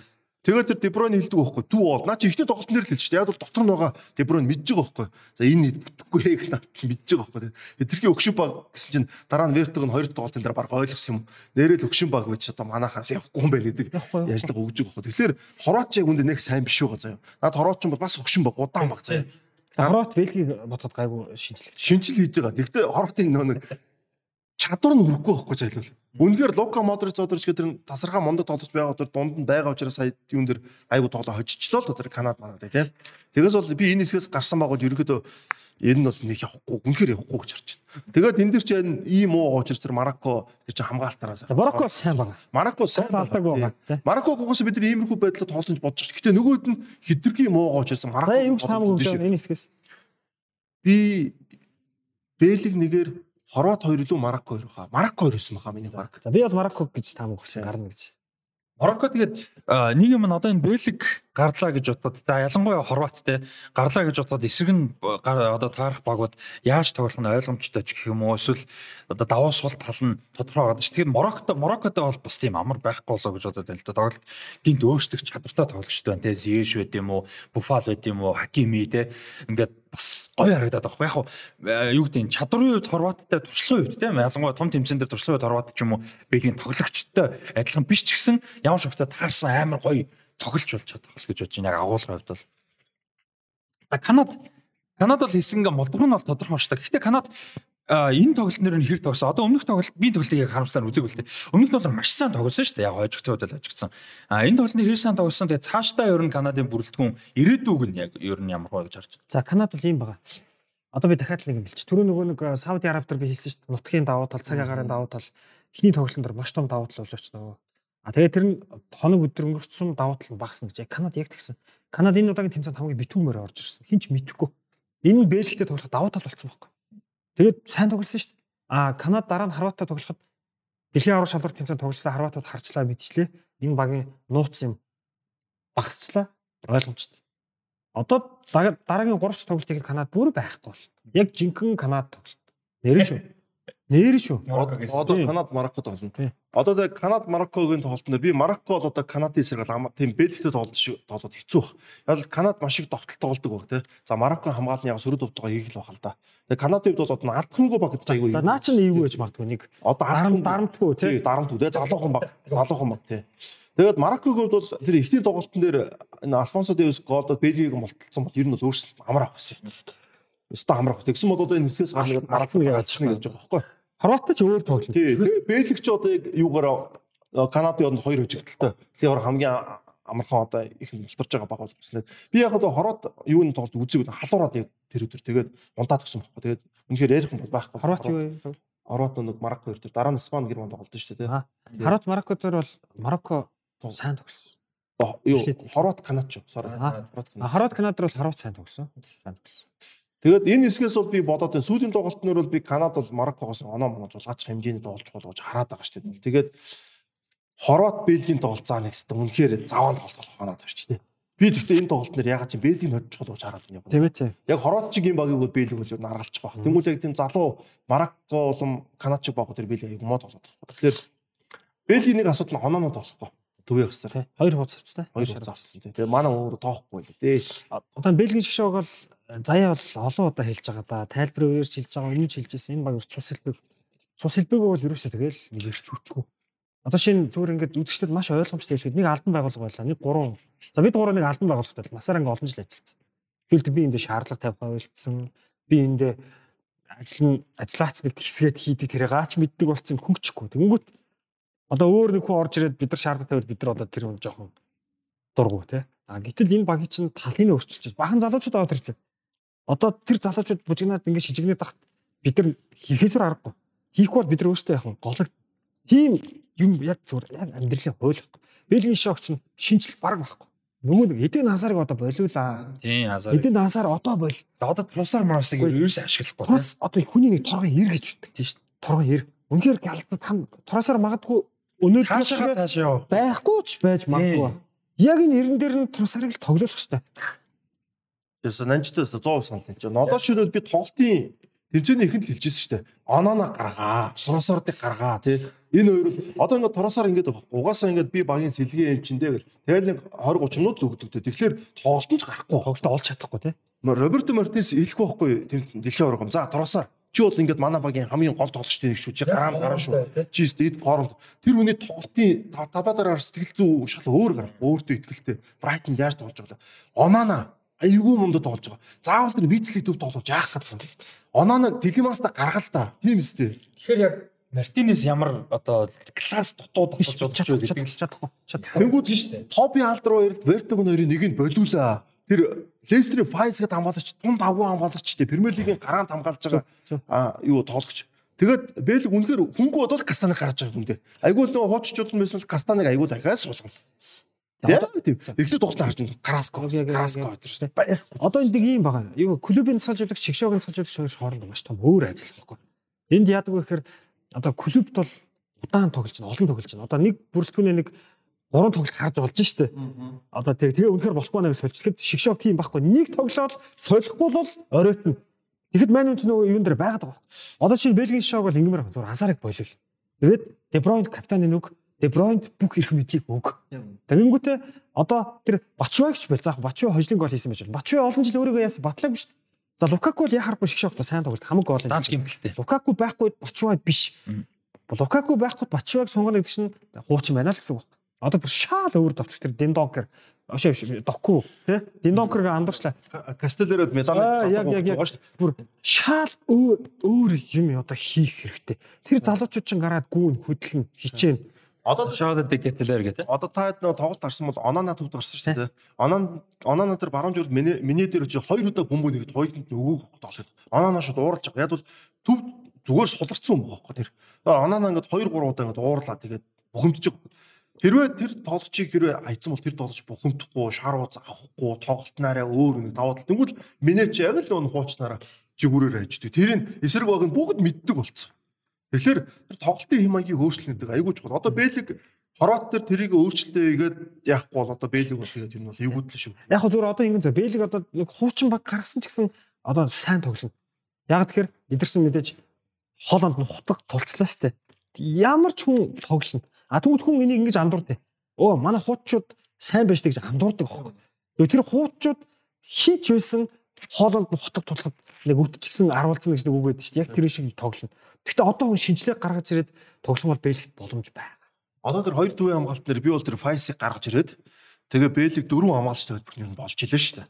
Тэгээ Кастан зүүндээ миний баруун Бэлгийн та бүр нэг ужгарцсан тий. Яа үжигэрсэн. Тэгээ одоо нанжтын хэлдэг шнэ бид гурав компанид болоо за та гурыг одоо нэг ажиллаж чи хадлаа бид гурав чи язгаана шүү дээ тий. Нэг тим бэлэг байгаа даа байхгүй тий. Яасан ч би тоглондоо л гэсэн хүмүүс байгаа. Тэгээд гурван хамгаалагчтай тоглоно гэдэг чинь шүү дээ. Яг сайн. Гэхдээ гуравтай тоглоно гэдэг чинь нэг бол төв түн дут, нэг бол давтлагын түн дут. Тэгэхээр гуравтай тоглоод хар Бэлгийн тоглооч явахгүй байхгүй. За Бэлэг одоо тэгэд юу Бэлгийн одоо энэ алтан үеийн гэдэг шүү дээ. Дуусч जैन тий. Ер нь бол. Тэгэд Роберто Мартинес 16 оноос хойш дасгалжууллаа яг класс бол угаасаа дутуу гэдэг олон жил угаасаа яригдсан. Тэр нь ч одоо бүр ингээд. За одоо хэсгээс гасуугүйгээс хамаарахгүйгээс баг тодорхой болж байна. Ер нь одоо юу гэдэг юм? Өмнө нь бол түрүү хэдүүл ярьжсэн. Марк Вилмотс бол хангалттай суулж байгаагүй. Буруу сонголт байсан. За Роберто Мартинес бол Вилмотын ажид хамаагүй дээртэй илүү зөв дараагийн шийдвэр байсан. А гэхдээ Роберто Мартинесаас ахиулаад 18 онд ч юм уу те магадгүй юу явах хэрэгтэй байсан уу те? Дараагийн левлийн илүү том тасалжуулагч авчих ёстой байсан уу? Юу гэж бодож байна. Тэгэд нэг сонирхолтой point байсан л да нөгөө хичнээн алтан үе алтан үе гэдэг амар мундаг тоглогч яриадсан мөртлөө яг нэг тийм яг одоо юуг нэг тийм эзэн таараагүй гэх юм одоо яг энэ бүтэн бүрдгүмжтэй мундаг гэн алтан үеийн 18 он 16 он ерөөсө бүгд нэг форумтай эд пикэнд ерөөсө таараа дандаа нэг зүгжсэн одоо компани арай жоохон өгшөрсөн байхад нөгөө хэд нь байдаг ч юм уу Де Бройн арай залуу байсан бүгд угаас таарна гэж байхгүй наад чинь асуулжуулагчийн асуудал аха тэгэхээр яах хэрэгтэй байсан юм бол Ер нь бол эдгээр чин одоо нөө угаас зөрж байгаа шүү дээ. Одоо бүгд тараад гэдэг бол үнэхээр аз цочор маш бага заяа. Тэнгүүд Испани. тэр чинь учрыг тасалжуулж олох хэрэгтэй байхгүй. За энэ ийм байна. Одоо эд байж тээ эд байхад тросоор ишэл гарахгүй шүү дээ. Тэгэхээр та тасалжуулагч чи асуудал наа онаана чи эд биш шүү дээ. Тэнийг түрүүж халах байсан. Еврогийн дараа. тийм еврогийн дараа л тийм евро ч баг дэлхий Тэгэхээр ургаас Дөрв дөрв өндөр өндөр дээр байсан л та. Яг үндэ хүмүүс нөө Эвертнийг ч юм уу Брайтныг үзэхгүй бол мэдэхгүй нэрэг. тийм Энэ хоёр үнэхээр сайн байгаа. Тэгээ энэ хоёр чи ихний тоглолтод шууд сэлгээс тоглож байгаа. Би бол ихний тоглолтод шууд Шууд гарах шууд гаргаал. Би бол вицлийг суулгах гэж бодож байгаа юм. Вицл бол сайн. Гэхдээ вицлийг суулгаад Дилиманс оноо хоёр бол гой тоглох байхгүй. Яг ингээд Тэгээ Дебройныг атак дээр нь тавиад бүх хэрэгчлэгийг нөгч хэрэгтэй. Хасарыг бол нөгөө Дани Алж өдр гэдэг шиг туршлагатай багийн анх Хасаар бол солилцоо бол гоё болно шүү. лидер нь гоё Нэг дал дээр орж ирдэг те. уур амьсгалын баддаг те туршлага нь байдаг заагнадаг хилдэг яриаг нь хийдэг а тэгээд шаардлагатай цэлгээр орж ирдэг тийм багсан нэг зүйл Тэгэхгүй тэгэл Азар ихнээсээ тэгэд э, юу яжсэн шүү дээ нэг. Нөө бид юу л гэж. Дебройн та ихний тоглолтыг үзсэн бол Дебройн угаасаа товтлоонд маш сэтгэл хангалуун биш гэнэ харагдчихлаа. Яг бол Бачвай ч юм уу эргэн тойрны хүмүүс нь өөрийнх нь нэг юунд нь хүрэхгүй. Классанд нь хүрэхгүй. Тэгэл нөгөөд нь бомбогаал хачи хачи юм энэ. Тэгвэл Дебройн ингээл уурлаад мэдгэж байгаа. Дебройн ч яг эмоц шууд гаргадаггүй тоглож хүртэл тэр нь мэдгэж байгаа. Тэгэхээр бол яа харахгүй Бэли дээр бол Дебройн эргэн тойрны хүмүүс нь үнэхээр класс байгаа. Тэр та нарт Ронанагийн тоглолтыг үзээрэй за тэр гарч ирээд бүр тэр Одоо харин үзэх нь үү яах юм. Тань одоо үзгнүүдэл тулчаад байна л тийм бол. За тэгээд хэсгээс бол ямар ч сан гарах боломж бол мэдээж бэлэгт байгаа. А Хорват, Бэлэг, Марокко, Канада гэсэн тоглолт болно. Хэрвээ Хорват, Марокко хоёр одоо 1-2-д явж байгаа хоёр баг хоёулаа тэнцчих юм бол хоёулаа 1-2-оор гарчих юм боломжтой. За хойжвол мэдээж гарна. Тэгэхээр хоорондоо тоглохгүй ш хараад. Тэгээ хоорондоо Бэлгч өөрт нь боломж байна. Тийм, Бэлэгт Хорватаа хожих юм бол Хорватаа муртлаад гарах боломж байна. За Канада Мароккогоо хожоод нөгөө тал нь Бэлэг очих юм бол Мароккогоо чирж ав- аваад үлдээд болдох боломж байсан. Канадад магадлал бол байгаа. Бэлгийн шиг чи одоо Аа, за. Бэлгийн шиг чинь одоо хожихгүй болохгүй тэнцэж ерөөс болохгүй болчихсон. Тэгэхээр одоо бүх юм одоо Лукаку угааж гаргаад бүгдийг нь хамгийн гол боломж өөрт нь байгаа байхгүй. Төөрт нь байгаа тий өөртөө хожоод байгаа. А зөвхөн Хорват Марокко тоглох байсан бол хэцүү шүү дээ. Бэлэг наа Канадыг 1000 хожоод нөгөө хоёр тэнцчихэд л дуусаа байхгүй. Яг гараал та нөгөө чинь 5 болоод эн чинь Аа, Бэлгич зураг байгаа. Би андаа. Тэгээ Бэлгийн нэг хоцсон гэж бодохгүй. Аггүй гэхдээ ийм байхгүй. Нөгөө хэрвээ зөв тим байсан бол тэр хоёр ч юу яачих байхгүй. Одоо жишээ нь э, юу ч оноогоо авчин штэ. Одоо Марокко жишээ нь Канадаас оноо авцсан тийш орох боломжтой байхгүй. За тэгэхээр боломж ямар ч сан хувьд заяавал өөрсдийнх нь гарт байна. Хорватыг одоо Европынхаа багийг те хожоод мултлаад магадгүй мултлаад Марокко он авчих юм бол нөгөө талд ийм боломж бол байна. Их сонирхолтой. Ер нь сүүлийн теорийн тоглолтууд их л сонирхолтой л ер нь байна. Яг их их хэсэг л нэг тийм 100% бол тодорхой болоогүй те яаж ч магадгүй нэг юм гой сонирхолтой. За G хэсэг дээр бол Бразил А дөнгөж сая Швейцарыг нэгдийг харьцаатаа буулгаж авлаа нэлээд сонирхолтой тоглолт болсон. А за нөгөөдг нь бол энэ дэлхийн орон одоогийн байдлаар хамгийн одоо entertainment талаас тий хамгийн сонирхолтой хоёр талаа өсөлтсөн тоглолт болсон бол Камерун Сербийн тоглолт байсан. 3-3-аар тэлсэн. За энэ тоглолт юу болов үзүүштэй сонирхолтой байж чадуу. За тэгээд нөгөөдг нь Бразил Швейцар тий. Манч тайлбарсан. Үгүй. Манай бэлгүүн гомбо хоёр. Аа, бэлгүүн гомбо. Манай бэлгүүн гомбоч Камерунаар дагнаж байгаа шүү дээ. Би солонгосоор гарч. Хоёр гарахаар солонгос аяг гадчих. Ким ким гэж За ким ким ким ким ким ким гэл хажуугаар навчиж байгаа шүү. гэж. Тэгээд Бразил Неймар байхгүй тоглосон дээр Неймарго Бразил бол жоохон яг хоо нэг тогтмооны зохион байгуулж байгаа. Муу байлаа, муу байлаа. Тий. Тэгээд ямар чухал угсаа бодолтой. Неймарго тоглолт юм Бразил хийчихсэн. Хоор штэ. Тэгэл тэгэл 7-1 шүү дээ. Тэгэл 7-1 шүү дээ. Тэр чинь Неймарго Tego Silva-г тоглосон тий. Неймар бол одоо энэ багийн амин сүнс нэг олон ур чадрууд байгаа чинь тэр ур чадруудыг нэг базах тий. Нэг лидер тий. Одоо тэр чинь бөмбөг бол Неймар төгж байгаа шүү. Тэгтэл нэг тим тоглож байгаа. Тэгэхээр Бразил бол Швейцарын эсрэг бол жоохон тийм тааруу тоглож. Гэхдээ яг үр дүнгээ авсан л да. Яг л нөгөө Касимир клач тоглож тий. Венисус ч өнөр үнэхээр амар лээ. Үнэхээр зогсоо зогсооч шиг Бразил энэ хэсгээс ингээд ямар ч нэгээр ингээд шууд гарчих. Хуу одоо эсгийн сүүлийн тоглолтын дээр сайхан зарим тоглолчтой амраагаад ингээд сайхан тоглож болов гэж харж байна. За тэр Серб Камеруныг нанж тэрх үү? Серб Камеруны тоглолтыг нөгөө манай бэлгүүн гомбо хоёр тайлбарсан. Аа өчигдөр би үзсэн. Нэгдүгээр хил хэсэг нь үзэж чадаагүй. Аа Сербүүд гэхдээ их муу тогссон. Бид нар одоо ингэж нэг ийм төсөөлөл болох Серб бол төвийн 3 хамгаалагчтай тоглодог хатуу те. Ерөөсө айхтар их гол За Митровичийн гэхдээ ер нь алддаггүй гэж утсан чинь Серб чинь нөгөө гурван хамгаалагч нь баруун тоглолтын нөхөр хоёр удаа шахалтан дээр алдаад. Камерон авч хоёр гол хийгээд тэгээ 3 3-аар тэнцсэн. За Серб ер нь яг би таам хөхтэй хэдүүлээ нөгөө Серб хэсгээс гарнаа Бразилтай гарна гэсэн чинь Швейцар ер нь би Швейцар гэж өгсөн баха. А тэгсэн үү. Тийм. За яг одоо харъя. Яа яг Швейцар яг юу шиг үлээ. Бэлэг ороод идэх шиг яг хөгшин дээ. Шинжил байхгүй тийм байна. Швейцар ч юм бол яг сайн хамгаалах баг. Наад чи гол оруулахгүй шүү. Том тоглолтууд дээр сайн хамгаалах баг. Би бол хамгаалалт дээр нь Швейцарт тэнцэх юм бол гарна. Тий. Тэгээд серб дээр бол нэг юм байна. Серб ингээд ийм удаан байгаа жаад Камеруны сэр тэгж урагшаа шахаж шах тоглох гэсэн байд. Би одоо Бразил дээр ч гэсэн те. 3 нэгээр хожиж ийж юу? Тий, хожиж ийд урагшаа. Тэгээд ингийн байрал дээр шууд халтаад.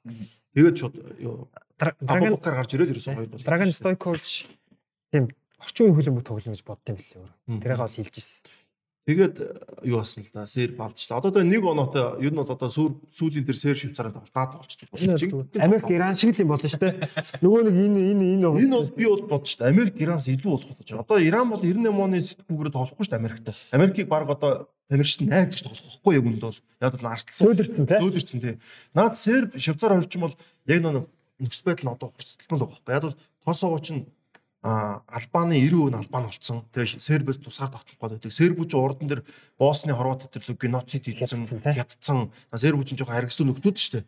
Тэгээ Косово дээр чинь бас жоохон асуудал гаргасан шүү дээ. Косовоч асуудал бараг одоо 20 жил явж байгаа байхгүй. Тэгэхээр наа тий, наа Швейцарт чинь Косово гаралтай бүр Граначакагийн төрсэн одоо тэр ах нэмүүд үү. Шалтан шакери. А Шака гэж бүр ах нь одоо тэнд холж байгаа шүү дээ. Тос уган шигс те. Тавлан шака. Тий. Тэр чинь ахнууд үү. Одоо бидний сахтуу өрийн лиг. Ахтуу. Тэгэхээр наа ч юм бол одоо нэг real проблем яваад байхгүй юм дундчаа. Тэгээ Шакири тэр өвчтө багийнхаа хамгийн гол хоёр тоглолт шүү. Тий. Яг хоо Шакири гарахгүй ш магадгүй шин тоглолтоор. Яг одоо Шакири сая сүүлийн тоглолтоор гараагүй Бразил. Тэр гараагүй тий. Бразил дээр энэ тоглолтын дээр нэлээд ширүүн зодоонтой нэлээд айхтар тоглолт болов бодоод шүү. Тэгээд Серб болгоос хожигт болох учраас эхнээс л довтол тоглоно. Швейцар бол угаасаа хамгаалалт гэхдээ хамгаалалт нэлээд хатуу хамгаалалт их л ивүү тоглолт боловсон шүү. Тоглолт болно. Дөрвөн жилийн өмнө энэ багууч нэг хэсэгт багцсан шүү дээ. Одоо гурван баг нэг хэсэгт багчаасан. Дөрвөн жилийн өмнө Серб Швейцарын тоглолт гэж аимшигтай тоглолт болоод Швейцараас Шердан Шакири гол хийчихэд нөгөө нэг Албаны тийм Албанд хоёр толгойтой бүрэгдийг ингэж дүршилж энэ нь FIFA-гаас бан аваад амар болсон шүү дээ. Аа яа тэгээ энэ ингэ гисгийн сүлийн тоглолт харамц драм байхгүй. Тэгээ авч бол бүгд өндөртэй. Эсгээс гарахгүй хүн шийдэн. Яг ийм нөхцөл нэг Албан Серб хоёрны тоглосон шүү дээ. Тэгэд Албаны нэг ерөнхий сайд нь юу явуулаад аа Косовогийн тогтоочлоо, Албаны тогтоочлоо нөгөө дрон явуулаад тэрийг нөгөө нэг Серб хүчин барьж аваад газар мазар хошиглоод бөө юм болсон шүү дээ. Нэг тэр чин 5 6 жилийн өмнө лөө. Наад хоёр юуны тоглолтод тарсан байхгүй юу? Урчлсан шүү. Урсан шатны тоглолтод тарсан байхгүй юу? Тэгээд нөө Албаны ерөнхийдөө чин дрон явуулсан. Зууж жагаад. Тэгээд бөө юм болоод наад хоёр чин тоглолт. Бараг тэр тоглолт чинь 3-0-оор шууд юунд өгсөн шүү дээ. Техникийн алтын нэг талдаа өгчдөг байхгүй ёо албанд орох хүчдэг баха. Яг л нөө сербийн талбад болж байгаа сербүүд өөртөө юу яага хүчлээ. Нэг юм болсон юм. Тэгээ бөө юм болсон. Тэгэхээр наад сүүлийн тоглолт ч юм бол ер нь амар хүнд тоглолт болох. За Бразил бол Камеруны гоод бол 2 дугаар баг нь гарч ирээ гаргалж байгаа. Мөнгөн 100 шийчих баха тий. Одоо уушлаа. Бразил дээр чи одоо нөө Мартинелли дээр гаргана. Мартинелли чи ид байгаа шүү дээ эд торгой энэ дээрээ Мартинеллиг Венесус амир голоор гаргаж чадахгүй шүү дээ. Солилцоогоор гаргасан. Одоо л Мартинеллиг яг зүүнд нь гараан дээр гаргаад Венесусыг амраагаад тэгээд жиггэн нөө Селине Фабиньо Мабиньяс бүгдийг нь гаргаад болох байж зэл. Өчтөр одоо ингэ л нөгөө нэг шалт тавьж байгаа. Тэгээд урч нь одоо Бразилийн шиг шоу тоглолоо. Неймар байхгүй нь яг мэдэгдэж байгаа. Өмнө нь одоо юу гэдэг Сербийн шиг шогт байсан тоглолтод хоёр гол яаж орсон бэ гэхээр Неймараас Венисиус, Венисиусээс Ричарлисон гэж яг ийм чиглэлтэй орсон. Одоо Неймар хэдийгээр яг санаж байгаас техник бол Неймартын яг хуураад ингээд боломж гаргаж ирчих шууд хин цогчдөө шүү дээ. Венец тэр ойсон мөнгөөр Ричарлсон хийдэг. Яг Неймарын тим тоглолт болж илээ өчтөр. Тэгээ Лукас Пакет бол яг ихний тоглолтод сайн тоглосон. Өчтөр бол одоо 2 дугаар дөрөв чихлээ суuna гэдэг бол зөвлөж бол сонголттой хийчихлээ. Яг Пакета Камеруны эсрэг тоглох ер нь хасаг шатнд пакет бол бол юу биш юм бэ. Тэгэхээр хасагдах дээр Касемиро за Неймар идэгчлээ гэж бодоход нөгөөдг нь хагас дээр ихийн тулд фри тоглож таарах уу. Хэрвээ одоо пакетаа суулгана явж таа хагас дээр. Би пакетыг гаргахад унш. Яг бол пакетаас юунд өчтөр тоглолтноор бол товтлогчийн ард тоглолцсон шүү дээ. Яг өөрөөр нь тоглодгоо байна тоглолцсон. Тэгэхээр би дараагийн тоглолтуудаар пакета яг Касемирох ард тоглоод яг бокс то боксоор тоглож болох гэж харагдсан. Тэгэхээр нөө сонголт нь фред болчихлоо. Юу яагаад? Би бол тийч хараад. Тэгээ Фред тоглосон. Фред Касемиро хоёр тоглосон. Тэнгүүт Родриго Катактар тоглолоо шүү дээ. Эсвэл бүр Неймар ирдгүү махад Бразил 4-2 4-өөр тоглолч. Неймар 16-аас ирнэ гэсэн. Угаасаа ирэхгүй болохгүй. Тий. Неймар орж ирээд тэгээд би бол Пакета, Каземиро гэдэг сонголт нь хэвээрээ тоглож болоо гэж хараад байна. Пакетод бол би байрлал жоо хүндсэн гэж харсан гэж бол. Яг довтлогч Арай л одоо хариуцлага өндөртэй. хариуцлага өндөртөө довтлогч харлаа. Ээжиг нэг галын гаднаас ингээд Неймар туслаад тавьж идэг юм байгаа шүү дээ. Модын зөөгөө тавьж идэг юм чи яг гаднаад нь оролцож байгаа байхгүй. Тэнгүүл тэр дутууч ингээд баргийн хүн бол болчихдохгүй байхгүй. Неймар шиг л юм тоглолтой тий. Одоо ингээд нөө нэг энийг ийм бодож ирсэн л та яг хуу what if гэдэг өөрөө л жоох утгагүй л та. Гэхдээ одоо чинь Аргентин ингээд товтлогчтэй ингээд ийм дутуу гэж. Одоо хувийн янз бүрийн асуудал юмгүй байсан бол яг хүн болгонд тэгж ярих асуудалтай. Гэхдээ зүгээр юу н байсан бол чинь Икарди яг идүү байх хэрэгтэй байсан. Тэгээ одоо дөнгөж 29 30 та тий. Хэрвээ карьер нь явжсэн ба шүү дээ. Интерт ямар амар мундаг явжлаа багийн адлагч. Тэрэн шиг одоо Коутинио жишээ нь дөнгөж бас дөнгөж 30 та Неймарта чадсан шүү дээ. Хэрвээ карьер нь яг ингээд нэг тийм доктортой мундаг явжсэн бол бас амар чухал байхаар байсан юм да. Ууг нь бол тий. Бас тэр жоохон харамсалтай.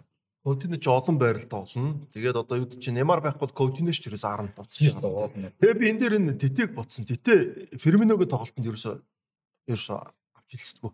18 онд эд үед багтан тоглоулаагүй.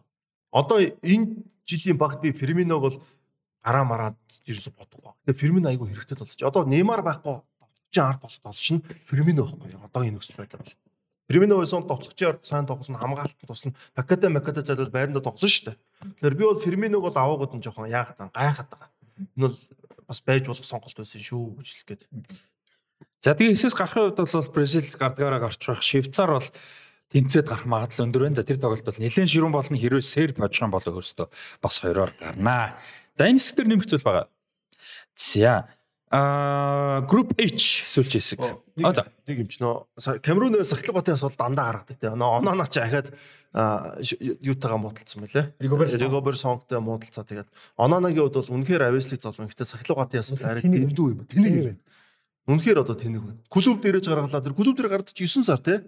тийм 9 сар юм. Эхнэрийнхэн шээсийг яач ёо эхнэрийнхэн нөө нэг уудаг бэлтгэлийг ууцсан гэж юу бодлоо хараад тэгээд юуны сэргээшийн асуудал дээр гарч идэг те. Бас мангар хошвс те. Юу яасан бэлээ? Recover song ингэсэн бэлээ. Бэлтгэл дээр арга барилаа жоохон өөрчлөлт. Гол кинг.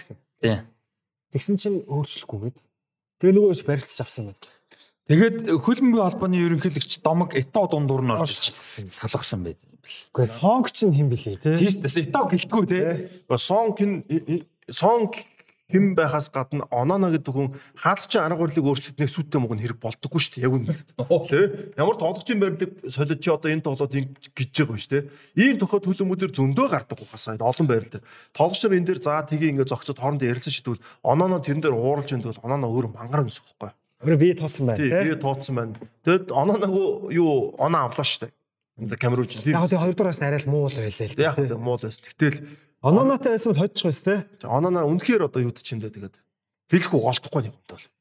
Тэгээ Африкт нэг иймэрхүү асуудал гарч ийн л да. Айгу төөмөл гардаг асуудал. Ер нь Африкт их нэгтэй. Яаж юм хэр Тоглогчт нь од болоод ч юм уу за ингээд дундаж дундчаас жоохон дээгүүр зав зүбр удаа халбгүй. Тийм болоод тэр Европ юм уу за ер нь их ихтэй тий. Европын дундаж дундчаас дээгүүр баг тоглоод явчихдээ. За тэгээ залин мөнгө амьдрал нь мэдээж ингээ гой болно. За тэгэнгүүт ихэнх нь яаж юм гэхээр улс нь хоёр дахь болоод явчихдээ. Юусыгаа төлөөд а дээрэс нь бас үнэхээр харамсалтай нэг зүйл нь Африкийн ихэнх улсуудын хөгжил тааруу ихэнх нь харамсалтай. Тэгэнгүүт улс нь тааруу улстай амьдрдгүү тэгээ улсынхаа ач холбогдол өхөн баг байдаг а нөгөө тоглогчтойгоо соёлоор нь шал өөр болж авчдаг. Жишээлбэл тоглож байгаа хамт тоглож байгаа. Ихэнхтэй шүү. Дандаа бол биш гэхдээ ихэнхтэй. Тэгэнгүүт очиод улсаа төлөөд тоглохоор толгой жоохон хамраас өгсөн ч юм уу жоохон Гуйлах маягтай. жоохон гуйлах маягтай. А тэгээ нөгөө хэдийгээ таарах нь ч жоохон баг нөгөөдөөсөө ч илүү дууж гэж харах нь байдаг те. Нэг иймэрхүү нөхцөл гардаг. А яг тоглогч би өмөрж байгаа юм биш шүү. Гэхдээ зүгээр юм системийн нийгмийн амьдралын нэг иймэрхүү юм гараад. Эсрэгээр араасаа хэлж штэ ихэнх нэг штэ. А нөгөө талд бол яг нэг Африкийн тамирчин шгшөө хаалт амиа тавьдаг хүмүүс байдаг штэ. Одоо ито шүү. Ито мане Дрогба тий Дрогба энэ төр бүр нэг амиа гэдэг тий. Бид нар ч бол бүр нөө супер одод нөгөө. Тийм, одоо саалаа мадаа гэдэг. Одоо Ганы нөгөө хэд ч гэсэн Асамаа Гян гэдэг чинь бол тэгдэж шүү Тэр бас нэг соёл байгаа. Одоо шил ган дээр бол нэг аав нь мундаг хөлөм өвчнөд аав бол ерөөсөө билж байгаа шүү дээ. За ийм байна. Одоо ялгаа нь гарч байна. Оноо ч Спан төрөд Барсаг Актемэр явцсан. Нутагта байгаагүй баг. А нөгөө чинь ядуу тарчиг амьдралаа үзээд харцсан хүмүүс ихгүй. Одоо өөрөө тэр гудамжин тэр хөл нүцгэн хөлөмө тоглож байсан. А нөгөө гарууд чинь Европт очисон багаас ингэсэн гарууд чинь энэ нэг жоохон сонир санагдаад байгаа байхгүй. Тий, тэгмэл яг Европ очсон гайгүй хүмүүс байна л да нэг Уильямс. Тэгэд Африк дээр ийм асуудал Расиг тэр нэг хөл өмгөөд мөн өөр асуудалтай. Хөл өмгөө бол дандаа өөртөө асуудалтай байна. Тэгээд нөгөө хэд нь тэнд нь болно. Одоо тэр Ганы асуудал нь тий. Одоо тэр цахилга готын асуудал ч онооногоос гадна тэр Эменик гэлүү. Бараг тэр жид болгоны тэр кот юурэ мисиг авч нэгэр мисиг авч суугаас чи 17 оны мистэй хөрөмжөд 17 он дараа нь 18 оны мистейгээс уучдаг ч илүү тий. Тэр Африкийн тоглогч нарт нэг тиймэрхүү нэг цахилга готоос. Тэгэхээр тэр Алиус Исе шиг тийм чад асуулж байх нь зөв байгаа хөөхгүй юм л тий. Тэгэд одоо холбоо энэ төр нь айгүй чухал байгаа шүү дээ. Яг ингээд лидерүүд нь систем нь доктортой байх юм бол зөрүүлээд доошоогоо одоо нөгөө зэрлэгээ цэвэрлээ цэвэрлээд одоо ето яг энэ жил бол ето удаагүй байгаа. Ер нь бол яг ерөнхийлөгч болоод нэг бүх юм нь өөрөөгөө гараар ороогүй. Маш их нэг ингээд сэтгэл гаргаад харагдаад байгаа зэтогийн Тэнгүүд ето одоо нэг дахиад 2 жил яваад тэ 2 3 жил явхад Камеруны хөлбөмбөг нэлээд зэгцрэх бах. Регоробер сон өөрөө ч нэлээд хатуу тоглолттой хамгаалагч байсан. Европт олон жил тоглосон. Ето өөрөө мэдээж туршлага том тэ. Тэгэхээр энэ хоёр нийлээд нэг ингээд онгоц зэгцрэх. зэтогийн ах нь шүү дээ. Тэгээ уул нь бол тийм шүү дээ тий.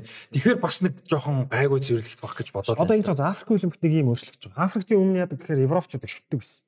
Одоо Африкийн шиг шоуг нэг Францын засгалж удагч л өдөртдөг байсан. Нэг Францтай нэг шалаагүй ч юм уу те. Гэтэл одоо Африкийн хөлбөмбөг өөр болчих. Одоо энэ удаагийн тэмцээнд Алис 2015 оноос хойш Франц Сенегалыг өдөрч чинь. Одоо тэр Тунис, Марокко, Камерун те. туулаа өөрсдийнх нь өөрсдийнх нь. Туулаа. Ган, ган, тавла. Одоо Африк тэгээд одоо энд орж байгаа ч биш.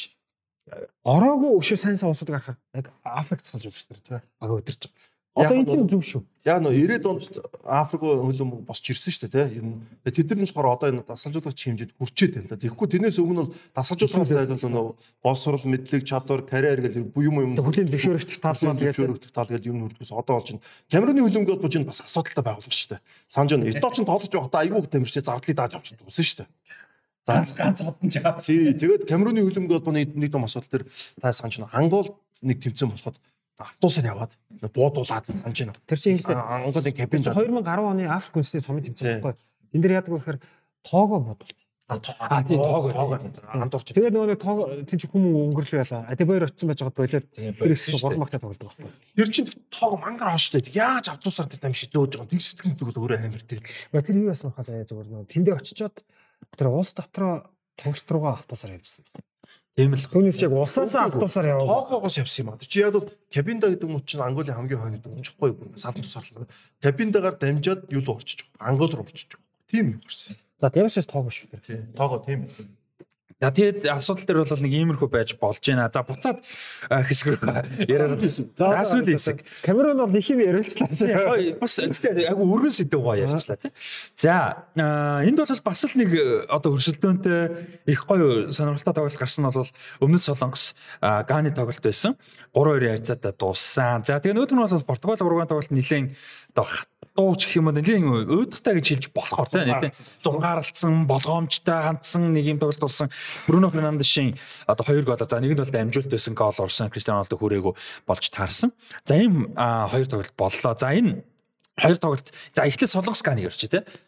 За Солонгос Ганы одоо Солонгос ахаал гарааны бүртгэн дээр алдаа гаргасан. Одоо Иканин гэж одоо Майорко тоглодог сайн тоглогчийг хоёр тоглолт нь хоёуланд Валенсигийн бүтээгдэхүүн. тий хоёуланд нь гараанд гаргаагүй. Бүр жоохон бахта Валенсиа Вильяреалын одоо юунууд скаутод тоогдод явжсэн энэ тоглогчийг одоо ахаа солилцоогоор урдсан. Солилцоогоор орж ирээ шууд юу болсон шүү дээ. Бож ин усан шүү дээ. Тэгэхээр Солонгос яг Японтой адилхан гарааны бүртгэнд алдсан. Хитрхийн нөө нэг тийм хамгаалдаг гүдэг баг тоглох гэдэг нөө кредит болгож та жоох үлдээсэн те. Энэ дэр алдсан Ганы хувьд бол үнэхээр тэр нөө Кудус байгаа шүү дээ. Мохаммед Кудус бол үнэхээр Кудусыг бол одоо юу чинь том багд одоо баг утахгүй очих байхаа. Маш олон хүмүүс өчтөр Twitter хаяг дээр Кудусыг бол бүр хүлэн зөвшөөрч илээ. Бүр биччихилээ. Бүр яг Кудус зориулсан юм айгүй хүчнээд а Ганы шиг бол ийм байна. Сахилгад айгүй мундаг байна. Энэ. Мундаг, мундаг, мундаг. Африкийн багуудаас яг үндэ Ганы ялгарч байгаа юм сахилга бол үнээр юм. Яг гэх юм бол нэг багийн лидерүүд байгаа шүү дээ. Лидерүүд нь том толгой байхгүй. Одоо хоёр хоёр аюу бол одоо тэр багийн чинь байгаа шүү дээ. Партэй. Тий, партэй одоо тэр амартай гэх тий. Ерөөсө дандаа нэг тий толгойтой, сахилга баттай, яг зарчимтай. Тэгээд эдний хүүгэнд ийм байгаа юм чи тамирч горохгүй байх юм бэ. Тийм дээ. За ганцаараа хоёулаа гурлаа дөрүүлээ тэгээ. Тий. Тэгээд дөрүүлээ айгуу гоо найзууд болчин. Тэгээд ямар нэг ингээд асуудал 3 дөрүүлээ очиод ингээд шүүгчтэй харилцаад асуудалтай нөхрөө аваа явчин тий нэг нь. Тэгээд ингээд нөгөө тэгээ загнахад нөгөөд нь үнд нь орно өдөөс том дуу гаргахгүй. Тэгээд юу вэ л да нөгөө Абеди Пеле гэдэг хүний нэг үлдээсэн соёл одоо болт явж байна. Яг тэгвэл эн чинь зөвхөн ур чадварш хоёр хүүхдэд тийм мундаг болгож хүмүүжүүлж байна. Хоёр хүүхэд нь тэр Ганы шиг одоо багийн ингэж мундаг одоо соёл авч бадж байгаа. Тэг өглөө жишээж болж байна. Энэ тэмцээний өмнө хамгийн хэцүү баг Ган байсан шүү. Яг Африкаас. Одоо тоглолтон ч юм уу ер нь нэг нэг л юм. Яг мэддэггүй тий. Тэгэд бол тасалжуулагч юм батгаар хэрэгтэй. Одоо одоо бол маш гоё бадж. Тэгээ одоо юу гэдэг нь маш олон тоглогч гуйж авчирсан шүү дээ. Одоо тэгэд тэрийг гоё ингээ базаад юунд оруулчихсан. Тэгээ би бол ингэж ирсэн. Оддо хадаж чинь багада Германд өссөн шүү дээ. Германд өссөн. Тэгээд төрж өснөд оддо хадаг сонгосон зүв. Яг Герман юу Европ соёлтой. Тэгээд хоёр аюугийн хувьд бол яагаад юм мундаг вэ гэхээр аав нь юу байдаг гэсэн а одоо Мюнхен 1860-д Марсель гэдэг Францын клуб, Германы клуб. Аврагд лигийн авраг авсан анхны Африк тоглогч 93 оны баатар шүү дээ. Одоо нөгөө алдарч Жампер Папин. Тэгээд Английн Waddle лөө энэ урагч шилдэг тоглооны төсөл бүрдүүлсэн. Тэгээд аав нь ийм мундаг тоглолт хийгээд энэ хоёр хүчээр Европ төссөн. Европ баг төрсөн байдаг шүү Андре Жордан аяар чинь. Тэгээд аав нь яг ийм мундаг нэрэнтэй байжгаад Ганыхан шигшээ багаас тоглоод ингээд шигшээ багын нэг супер одоо энэ хоёр хүчин багаас Европ соёлыг авч байгаа гэсэн эх орныхон одоо нөө юг харж өсөж байгаа хөөе. Аав нь тоглоод аавыгаа бахарч үзсэн учраас эх орон гэдэг сэтгхүү шал өөр байгаад байгаа. Тэнгүүд энэ дэр Эняки Уильямсыг нэмсэн айгу зөв. Эняки Уильямсыг энд ганцхан юмарч. Хиний хоёр хүн шүү дээ. Абеди Пелегийн хоёр хүн. Тэн дээр Ибрахим Аюу гээд бас 2010 онд дэлхийн аврал шалгалт 3 хүн гэж ярьж байгаа. Тэгээ 3 хүн байгаа тий. Тэгээд Иняки Уильямсыг ерөөсө суулгахгүй байгааз.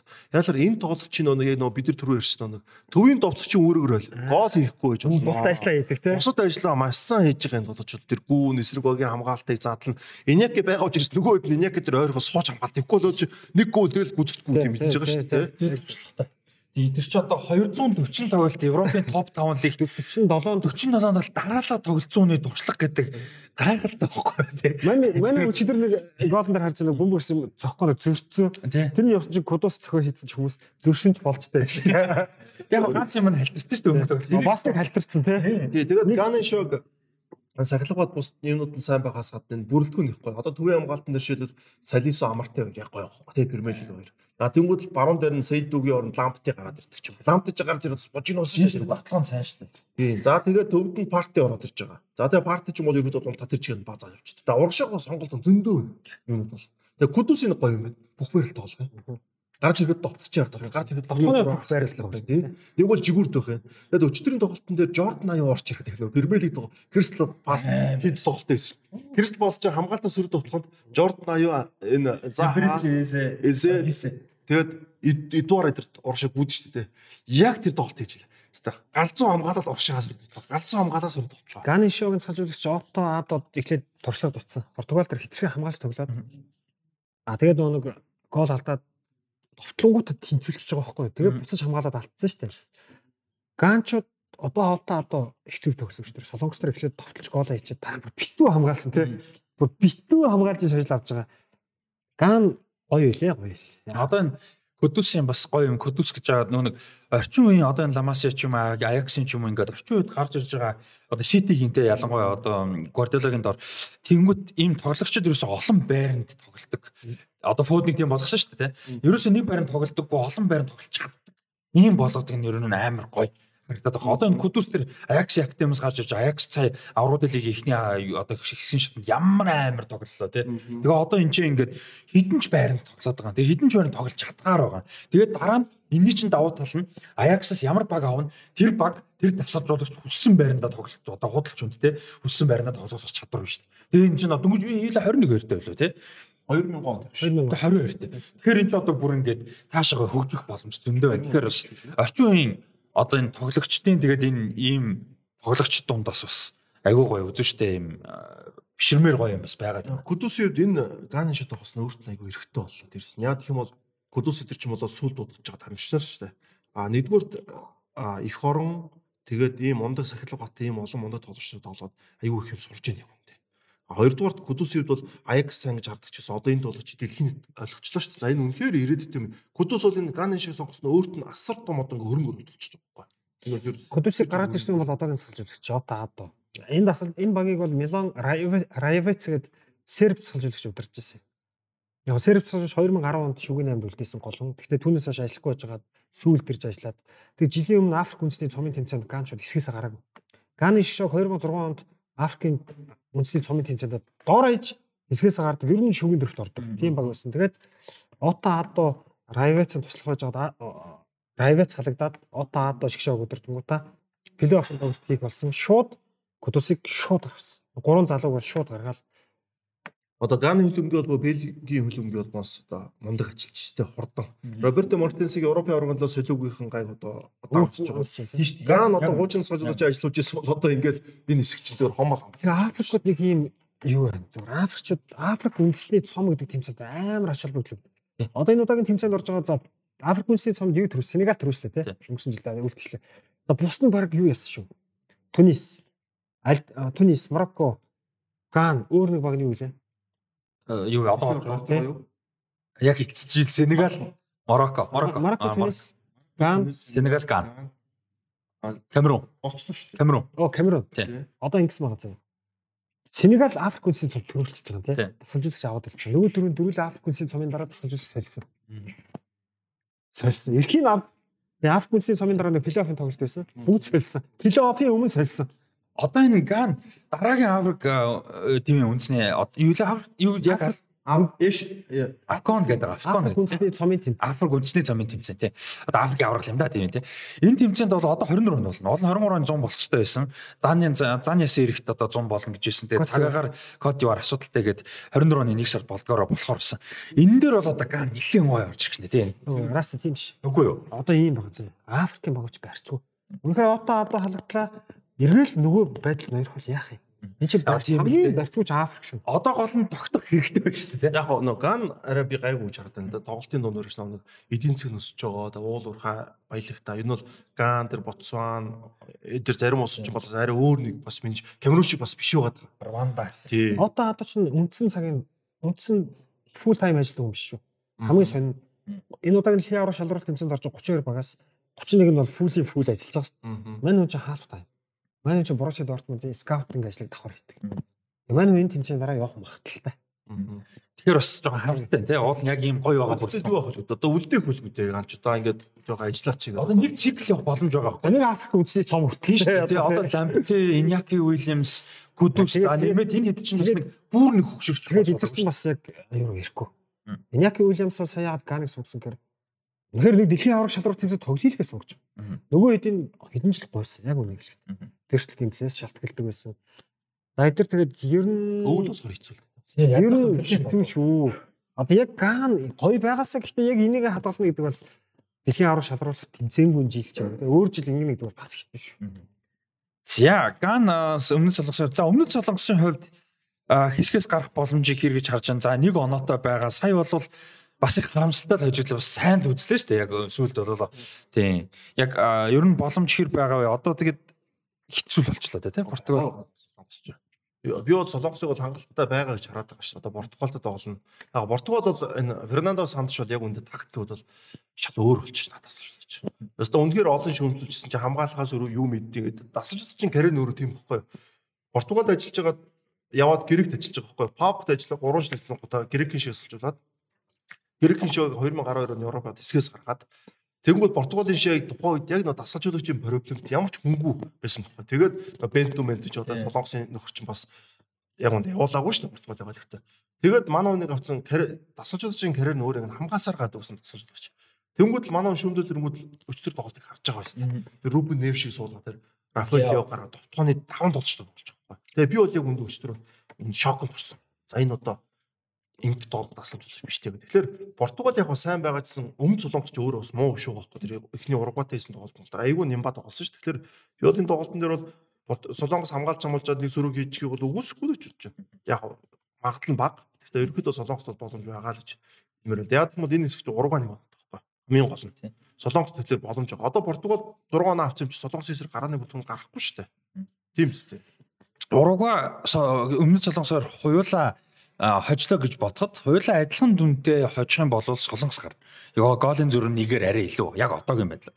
А уругва бол солонгос хожих хэрэгтэй солонгосыг хожихгүйгаас гэж найдана. Хэрвээ солонгос хожлоо гэд голын зүрх илүү нэгээр дахиж илүү голоор хожих хэрэгтэй.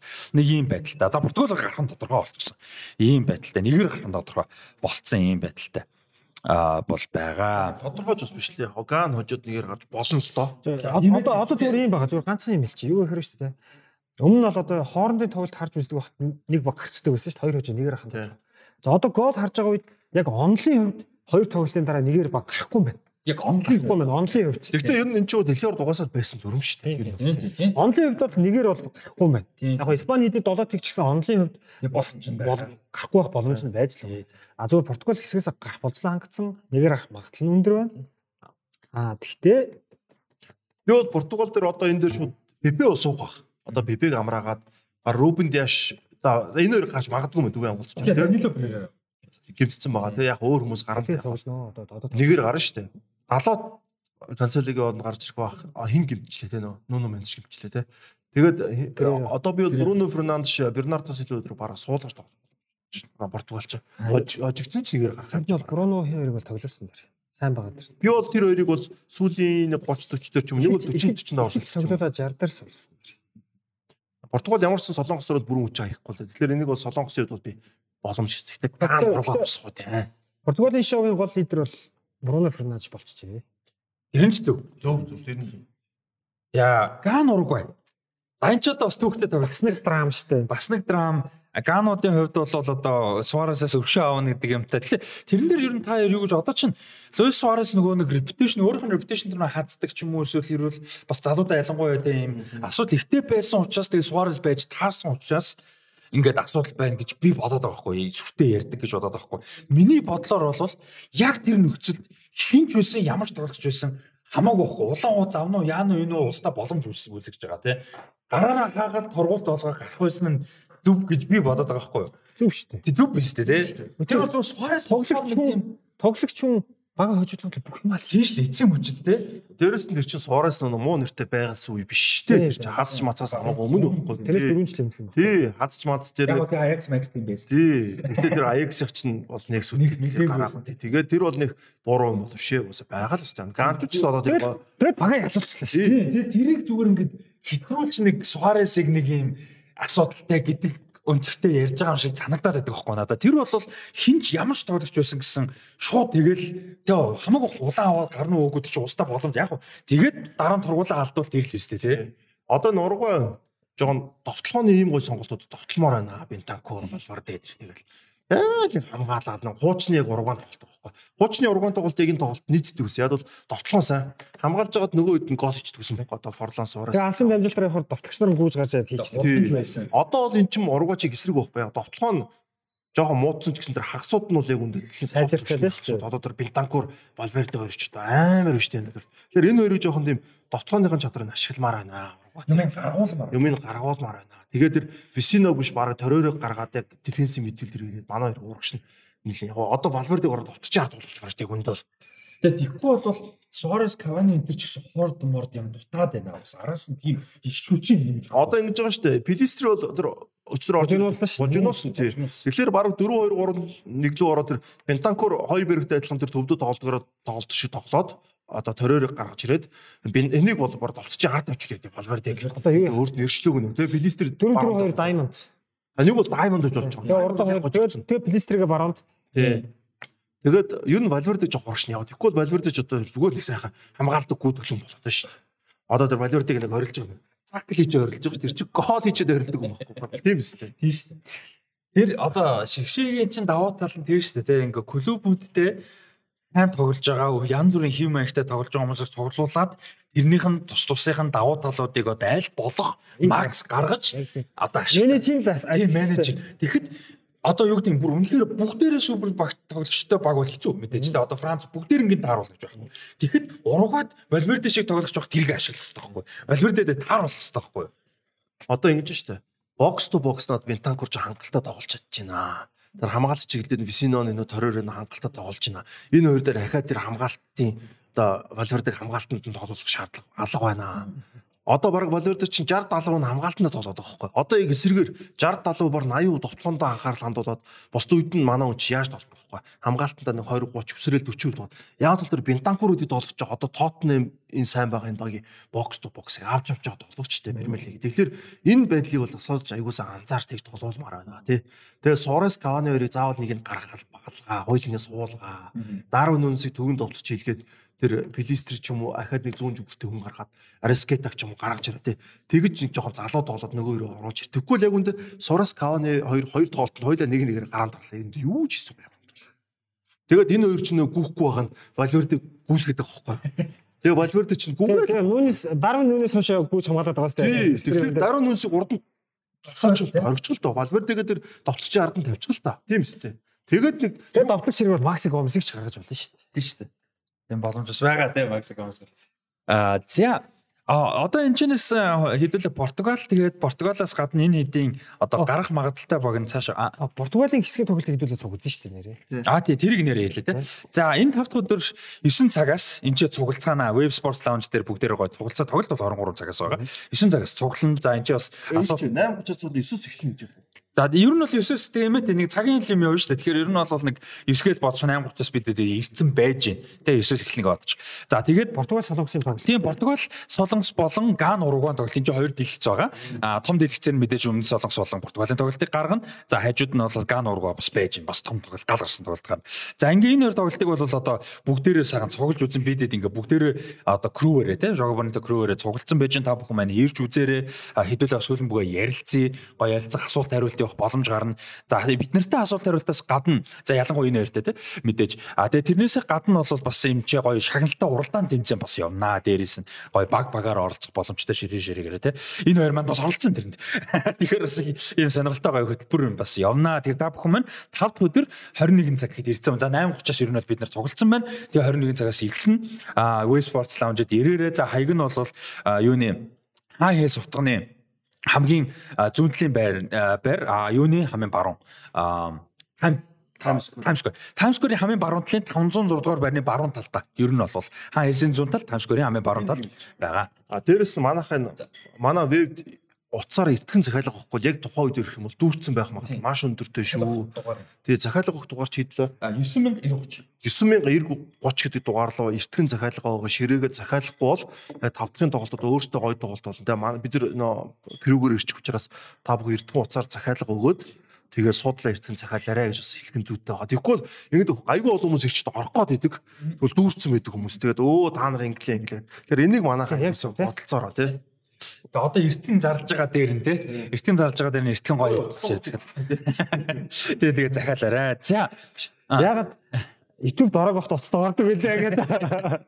Тэгээд хасагдах шатны зарим нэг багуудын боломжуудыг хэдүүлээ яриа. Зарим нь бол сая яриан дондоо оруулчлаа. За зарим нь бас ярьсангүй. За жишээ нь юуг бол ярьсангүй л дээ англиг хасагдах шат руу ер нь хэр тоглох уу ямар хэм ихтэй тоглох бол гэдгийг нэх ярьсангүй. Тэрэн дээр ер нь юу гэж бодож байгаа тавчхан ярихад тавчхан. Одоо хэсгээс гарааг байгаа багийг тэр гар болсон тийм ярих хэрэг. Ордор төр. За дуусгаар л юм уу тодорхой болсоор ярих уу.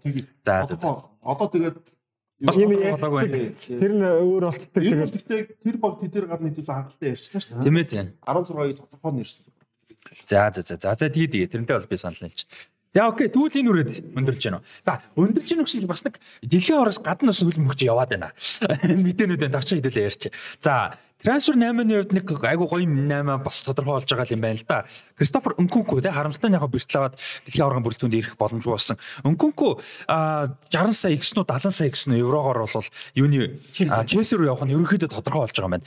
За энэ 8 ер нь ямар санагдчих ямар сэтгэлдэлтэй байна. За мэдээж Обамяны 8 бол түрхэн хугацааны 8 байсан. Энд чинь бол одоо товтлогч болж ирж байгаа. Цэвэр страйкер ирж байгаа гэж би бодоод дээ ер нь бол те. А энэ дээр юу гэж бодож байна?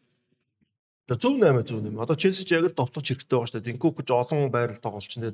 Төвөн довтолч дээр бол яг юм хурдтай гоё залуу довтолч бол хэрэгтэй хэрэгтэй. Зөв энэ зөв зөв шийдэл шүү. Энийг угаасаа намраас унш ярьсан тийм. Одоо ингээд тодорхой байна. За энэ дэр нэмээд нэг бүр одоо гайхалтай шинэ нэг сонирн мэдээ гарсан Ювентусын а одоо удирдлагууд нэлээ өөрчлөг өөрчлөгдөж байгаа биш одоо ажлаа хүлээлгэж гисэн юм гарлаа. А өөртөө resign хийсэн. За нэг нь бол одоо дид ерөнхийлөгч гэж орчуулбал зүг бах те vice president одоо клубын домог, Чехийн улмын домог, Павел нээдүүд ажиллаа хүлээж өгсөн. За би ихлэ тэрийг харчаад за окей нээдүүд хүлээж өгч байгаа юм гэсэн чинь нэмээд chairman ерөнхийлөгч Андре Аньели ажлаа хүлээж өгсөн. Тэр одоо хамгийн том сюрприз байлаа. Андре Аньели бол одоо клубын эзэн, Аньели гэр бүл бол одоо Италийн хамгийн баян, хамгийн хүчтэй, хамгийн ач холбогдолтой гэр бүлүүдийн нэг. Давхар үлээ Ferrari юу үлээ? За бас нэг юм эзэмшдэг юм аа нэг Ferrari ч Lamborghini яана одоо мэдгүй мэддэг хүмүүс нь барьж идэггүй. Тэг ямар ч ямар ч Анили ямар ч юм том юутай тэр чинь. За тэгээд одоо Juventus-ийн клубын одоо эздүүд ч Анилигийн гэр бүл ч Андре Анили өөрөө том хувь эзэмшигч тэр одоо гэр бүл дундаа. За тэгэнгүүтээ Juventus-ийн одоо ажлаа ингээ хүлээлгээ өгчлөө. За одоо хэсэг хугацаанд бол тодорхойгүй. Яг аль биесээр орлох хүн ерөөсөй байхгүй. Тэгээ тодорхой хугацааны дараа бол ингээд одоо энэ due course л гэж байгаа л одоо ингээд хугацаа явж байгаа өөртөө зарлана гэдэг чинь. А тэгснэ аллегри үлдсэн. Хിവэр яг одоогийн байдлаар аль биесээр бол. Тэгэхээр шинэ удирдлага ирэхээр аллегри халагдаж таарна. За удирдлага нь хэн байх вэ? Одоо Аниле чи маш олон жил удирдлаа штэ энэ багийг те. Одоо эзэн байла. Тэр энэ одоо юу гэж бодож чинь ямар одоо юу явагдаад байна яана гэж бодлоо. Би бол одоо сайн мэдээлэл аваагүй. Тэгээ би гайхчих юм одоо яах гэдэг юм бол. Харин их сонь тий. Зүгээр өөр нэг хүн зарцсан байл нэг өөр тий. Тийм бол биш. Тийм биш тий. Энд дэд юу гадна Стив Джобс нэг нь компани салгадчих хойд мөртөө мөртөө тий. Тэр халтаж байгаа хавртай ажил юм. Тэгээ өөр наа чин дэд горцсон л байхгүй да. Ойлгомжтой шүү дээ. Өөрөө хөлөөлөж өгч байгаа юм чи тий. За ингээд угаасаа Ювентус одоо факта болчиход шүү дээ. Үнд бол тийм биз тий. Тэгээ Юнтус ингээд ажил хийж чадахгүй юм байна. Тэгээд одоо хувьцаа эзэмшсэн. Би ч өөрөө ингээд ажлаа хөлөж өгöd. Би одоо борд руугаа орё. Тэгээд ингээд гүйцэтгэлийн одоо энэ ажлыг одоо болио. Тэгэхээр одоо Юнтус шинэ баг ирнэ. Тэгээ шинэ баг ирэх учраас нээдүүд тэр үүд хүмүүсээс бүгдийг нэг солио хооч хүмүүс энэ. Нээдүүд яг одоо юунд нэвчлээ л та хаврганд нэвчлээ тий. Угаасаа яг үндэ юу намраас нэг юу өнтөс нэг юутэй өссөн нэг. Нээдүүдийг халнаас чи одоо нээдүүдийг үргэлжлүүлнэ ингэ. Алигрыг гаргах үгүй гээл тий. Энэ бол тэгтээ зөв бох уу. Одоо тэгээд нөгөө шинэ удирдлагууд нэрээд алигрыг үргэлжлүүлэхгүй яах вэ гэдэг чинь. Одоо энэ чи битүү 100 евро бодолд болчихчих юм төс чинь. Тэгээд яг ерөөсө тоглолтонж болдгоо, класс эдэг амтнж байдггүй, хамаг сайхан залуучуудаа явуулаад энэ бол энэ бол зөв өөртөө тохирсон бохоо. Би бол тэгж л харж байна. За шинэ удирдлага юу их үү гэдэг бас ямар хуу хэмжээнд авч явах гэдэг сонирхолтой харагдаж байна. За энэс гадна бас цаана чин одоо Манчестер Юнайтед болон Ливерпул гэсэн багууд ер нь яг альбин ёсоор бол яг ингээд for sale бол байгаа. Гэхдээ ер нь бол зарна гэдэг цаагаараа мэдээлэл бол гарцсан яваад байна. Тэр бас их сонирхолтой тий. За нэг юм байна. Тэгээд энэ мэдээнүүдийг мэдээж дэлхийн авраг дуусаад бидэд тэр лөгөө бүтэн бүтэн одоо гоё орно. Та хэд маань бас энэ тал дээр бас сэтгэлээ мэдээж хуваалцараа тий. Тэгээд А өнөөдрийн дугаарыг ивент чи ажиллаж байгаа Хаспакны хамт олондоо баярлалаа. Дөрөв энэ ч мэдээллүүдийг бол өгсөн маш гоё итгэвчүүлэлт урамшуул бол явж байгаа юм байлээ. Та бүхэн итгэвчтэй оролцоорой дэлхийн аваргын картын захиалга бол явж байгаа тийм. Явж байгаа. Дэлхийн аваргын картаа орой олон улсын төгөөлгөө хийдэг асуудалгүй юм карт байгаа. А тэгээ би бол ямар ч experience бол байна тийм. Картыг хэрэглээд яг ингээ Европод явж байхдаа хэрэглээд ингээд үзсэн бол байгаа. 7 хоног болгон одоо 1 сарын турш ингээд азтнууд тодруулж байгаа зөвхөн энэ картыг хэрэгжилж байгаа хүмүүс. Тэгэхээр та бүхэндээ азтан болох боломж зөндөө байгаа шүү гэдэг бас хэлье. За тийм мэдээж фэйсбүүкээр ч юм уу вебсайтаар бас хас банкны вебсайтаар суугуудаар нь ороод мэдээллүүдийг бүр илүү дэлгэрэнгүй авах боломж мэдээж байгаа. За тийм ивент тэтгэгчээр ажиллаж хас банк банкны хамт олондоо баярлалаа. За тийм мэдээж Web Sports Lounge хамт олондоо баярлалаа. Бидэд Web Sports Lounge айлуулах олон талаас нь харуулах гад өөр өөр дугаарыг өөр янзаар хийгээд байгаа. Өмнө нь бид нар чинь зөвхөн караоке өрөөнд нь хийгээд тэгсэн мөртлөө лаунж яриад байдаг те. Тэнгүүд одоо ингээ харахаар бас таад маань анзаарч анзаарж байгаа байх олон гой талтай байгаа. Бид дахиад өөр өөр болонд дахиад өөр дугаараар хийхсэн бод бодолтой байгаа та бүхэн үйлчлүүлээрээ тэгээ энэ чи ширээний одоо хүмүүс футбол сокер гэж янз бүрээр дуудаад байдаг. Ер нь бол ширээний хөлбөмбөг тий. Ширээний хөлбөмбөг байж гин. За энэ чи даар царагдаж энэ чи снукер бүр дэлхийн снукерийн дэлхийн аварга одоо тоглогддог ийм өндөр зэрэглэлийн снукерийн ширээ байж гин. PlayStation 5 энэ ч байна. За тэгээ караоке байгаа хоёр том дэлгэц байж гин. Тэ нэгэн зурагт нэгэн проектор. Гэх мэт энэ ч бол ингээд хийх activity маш өндөр байна. Дэлхийн аварга ирээд үзээд ихний пив нөгөө байна тий. Тэр аим тэр. Тийм одоо тэгээ багц нь бол бодит хямдралтай багцаар одоо үйлчилж байна. Гэх мэт ийм олон гой давуу талууд байна. За дээрэс нь нэмээд а гурван төрлийн тааварт оролцоорой. 11 сарын 30-ны 22 цагаас өмнө комент чирээ нэг комментэнд гурвангийн багтаагаарай. За нэг нь хэсгийн шатны төгсгөл төгсгөлийн байдлаар хамгийн олон отон тоглолтод ямар баг орох уу? Хэсгийн шатанд хамгийн олон шар хуудас авсан баг юу байх уу? Хэсгийн шатны мэрэгэн мууч хэм байх вэ гэсэн гурван асуултанд хариулсан комментуудаа бичээрэй. Нэг комментэнд гурван ингээд. За Энэ дундаа бол давхцах магадлал мэдээж байгаа. Олон баг, олон тоглогч зэрэгцэх магадлал байгаа. Гэтэ нэгийг л зөв харилцах болно. А одоо хоёр тоглогч мэрэгэн бочуулагт нэгийг нь бичсэн багт болно гэсэн. За тэгээд энэ дундаа бол хамгийн түрүүнд хамгийн зөв бичснүүдийг хүмүүсийг бол бид нар шалгаруулна. Нэг хүн 1 2 3 төрөлд гурууланд нь ялгах юм боломжтой.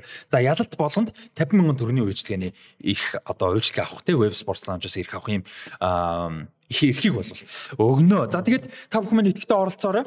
YouTube-ийнхаа комментийн reply-ыг бас харж байгаараа тий бид нар ялагчиг одоо reply-аар бичихгүй бол өөрөөр одоо контакт их боломжгүй шүү дээ тий. Тэгэхээр тэрийгээ бас хараараа тэгээ edit хийхгүй шудраг гоё оролцоогоорой. За ийм байна. Тэгээд өнөөдрийн дугаараар завчлаа гаргаж оролцсон та хоёртай баярлалаа. Та хоёроо амарч чадж гин үү яаж гин. Одоо нэг өдөрт 2 2 цагтаа болоод нэг арай гайг болж гин тий.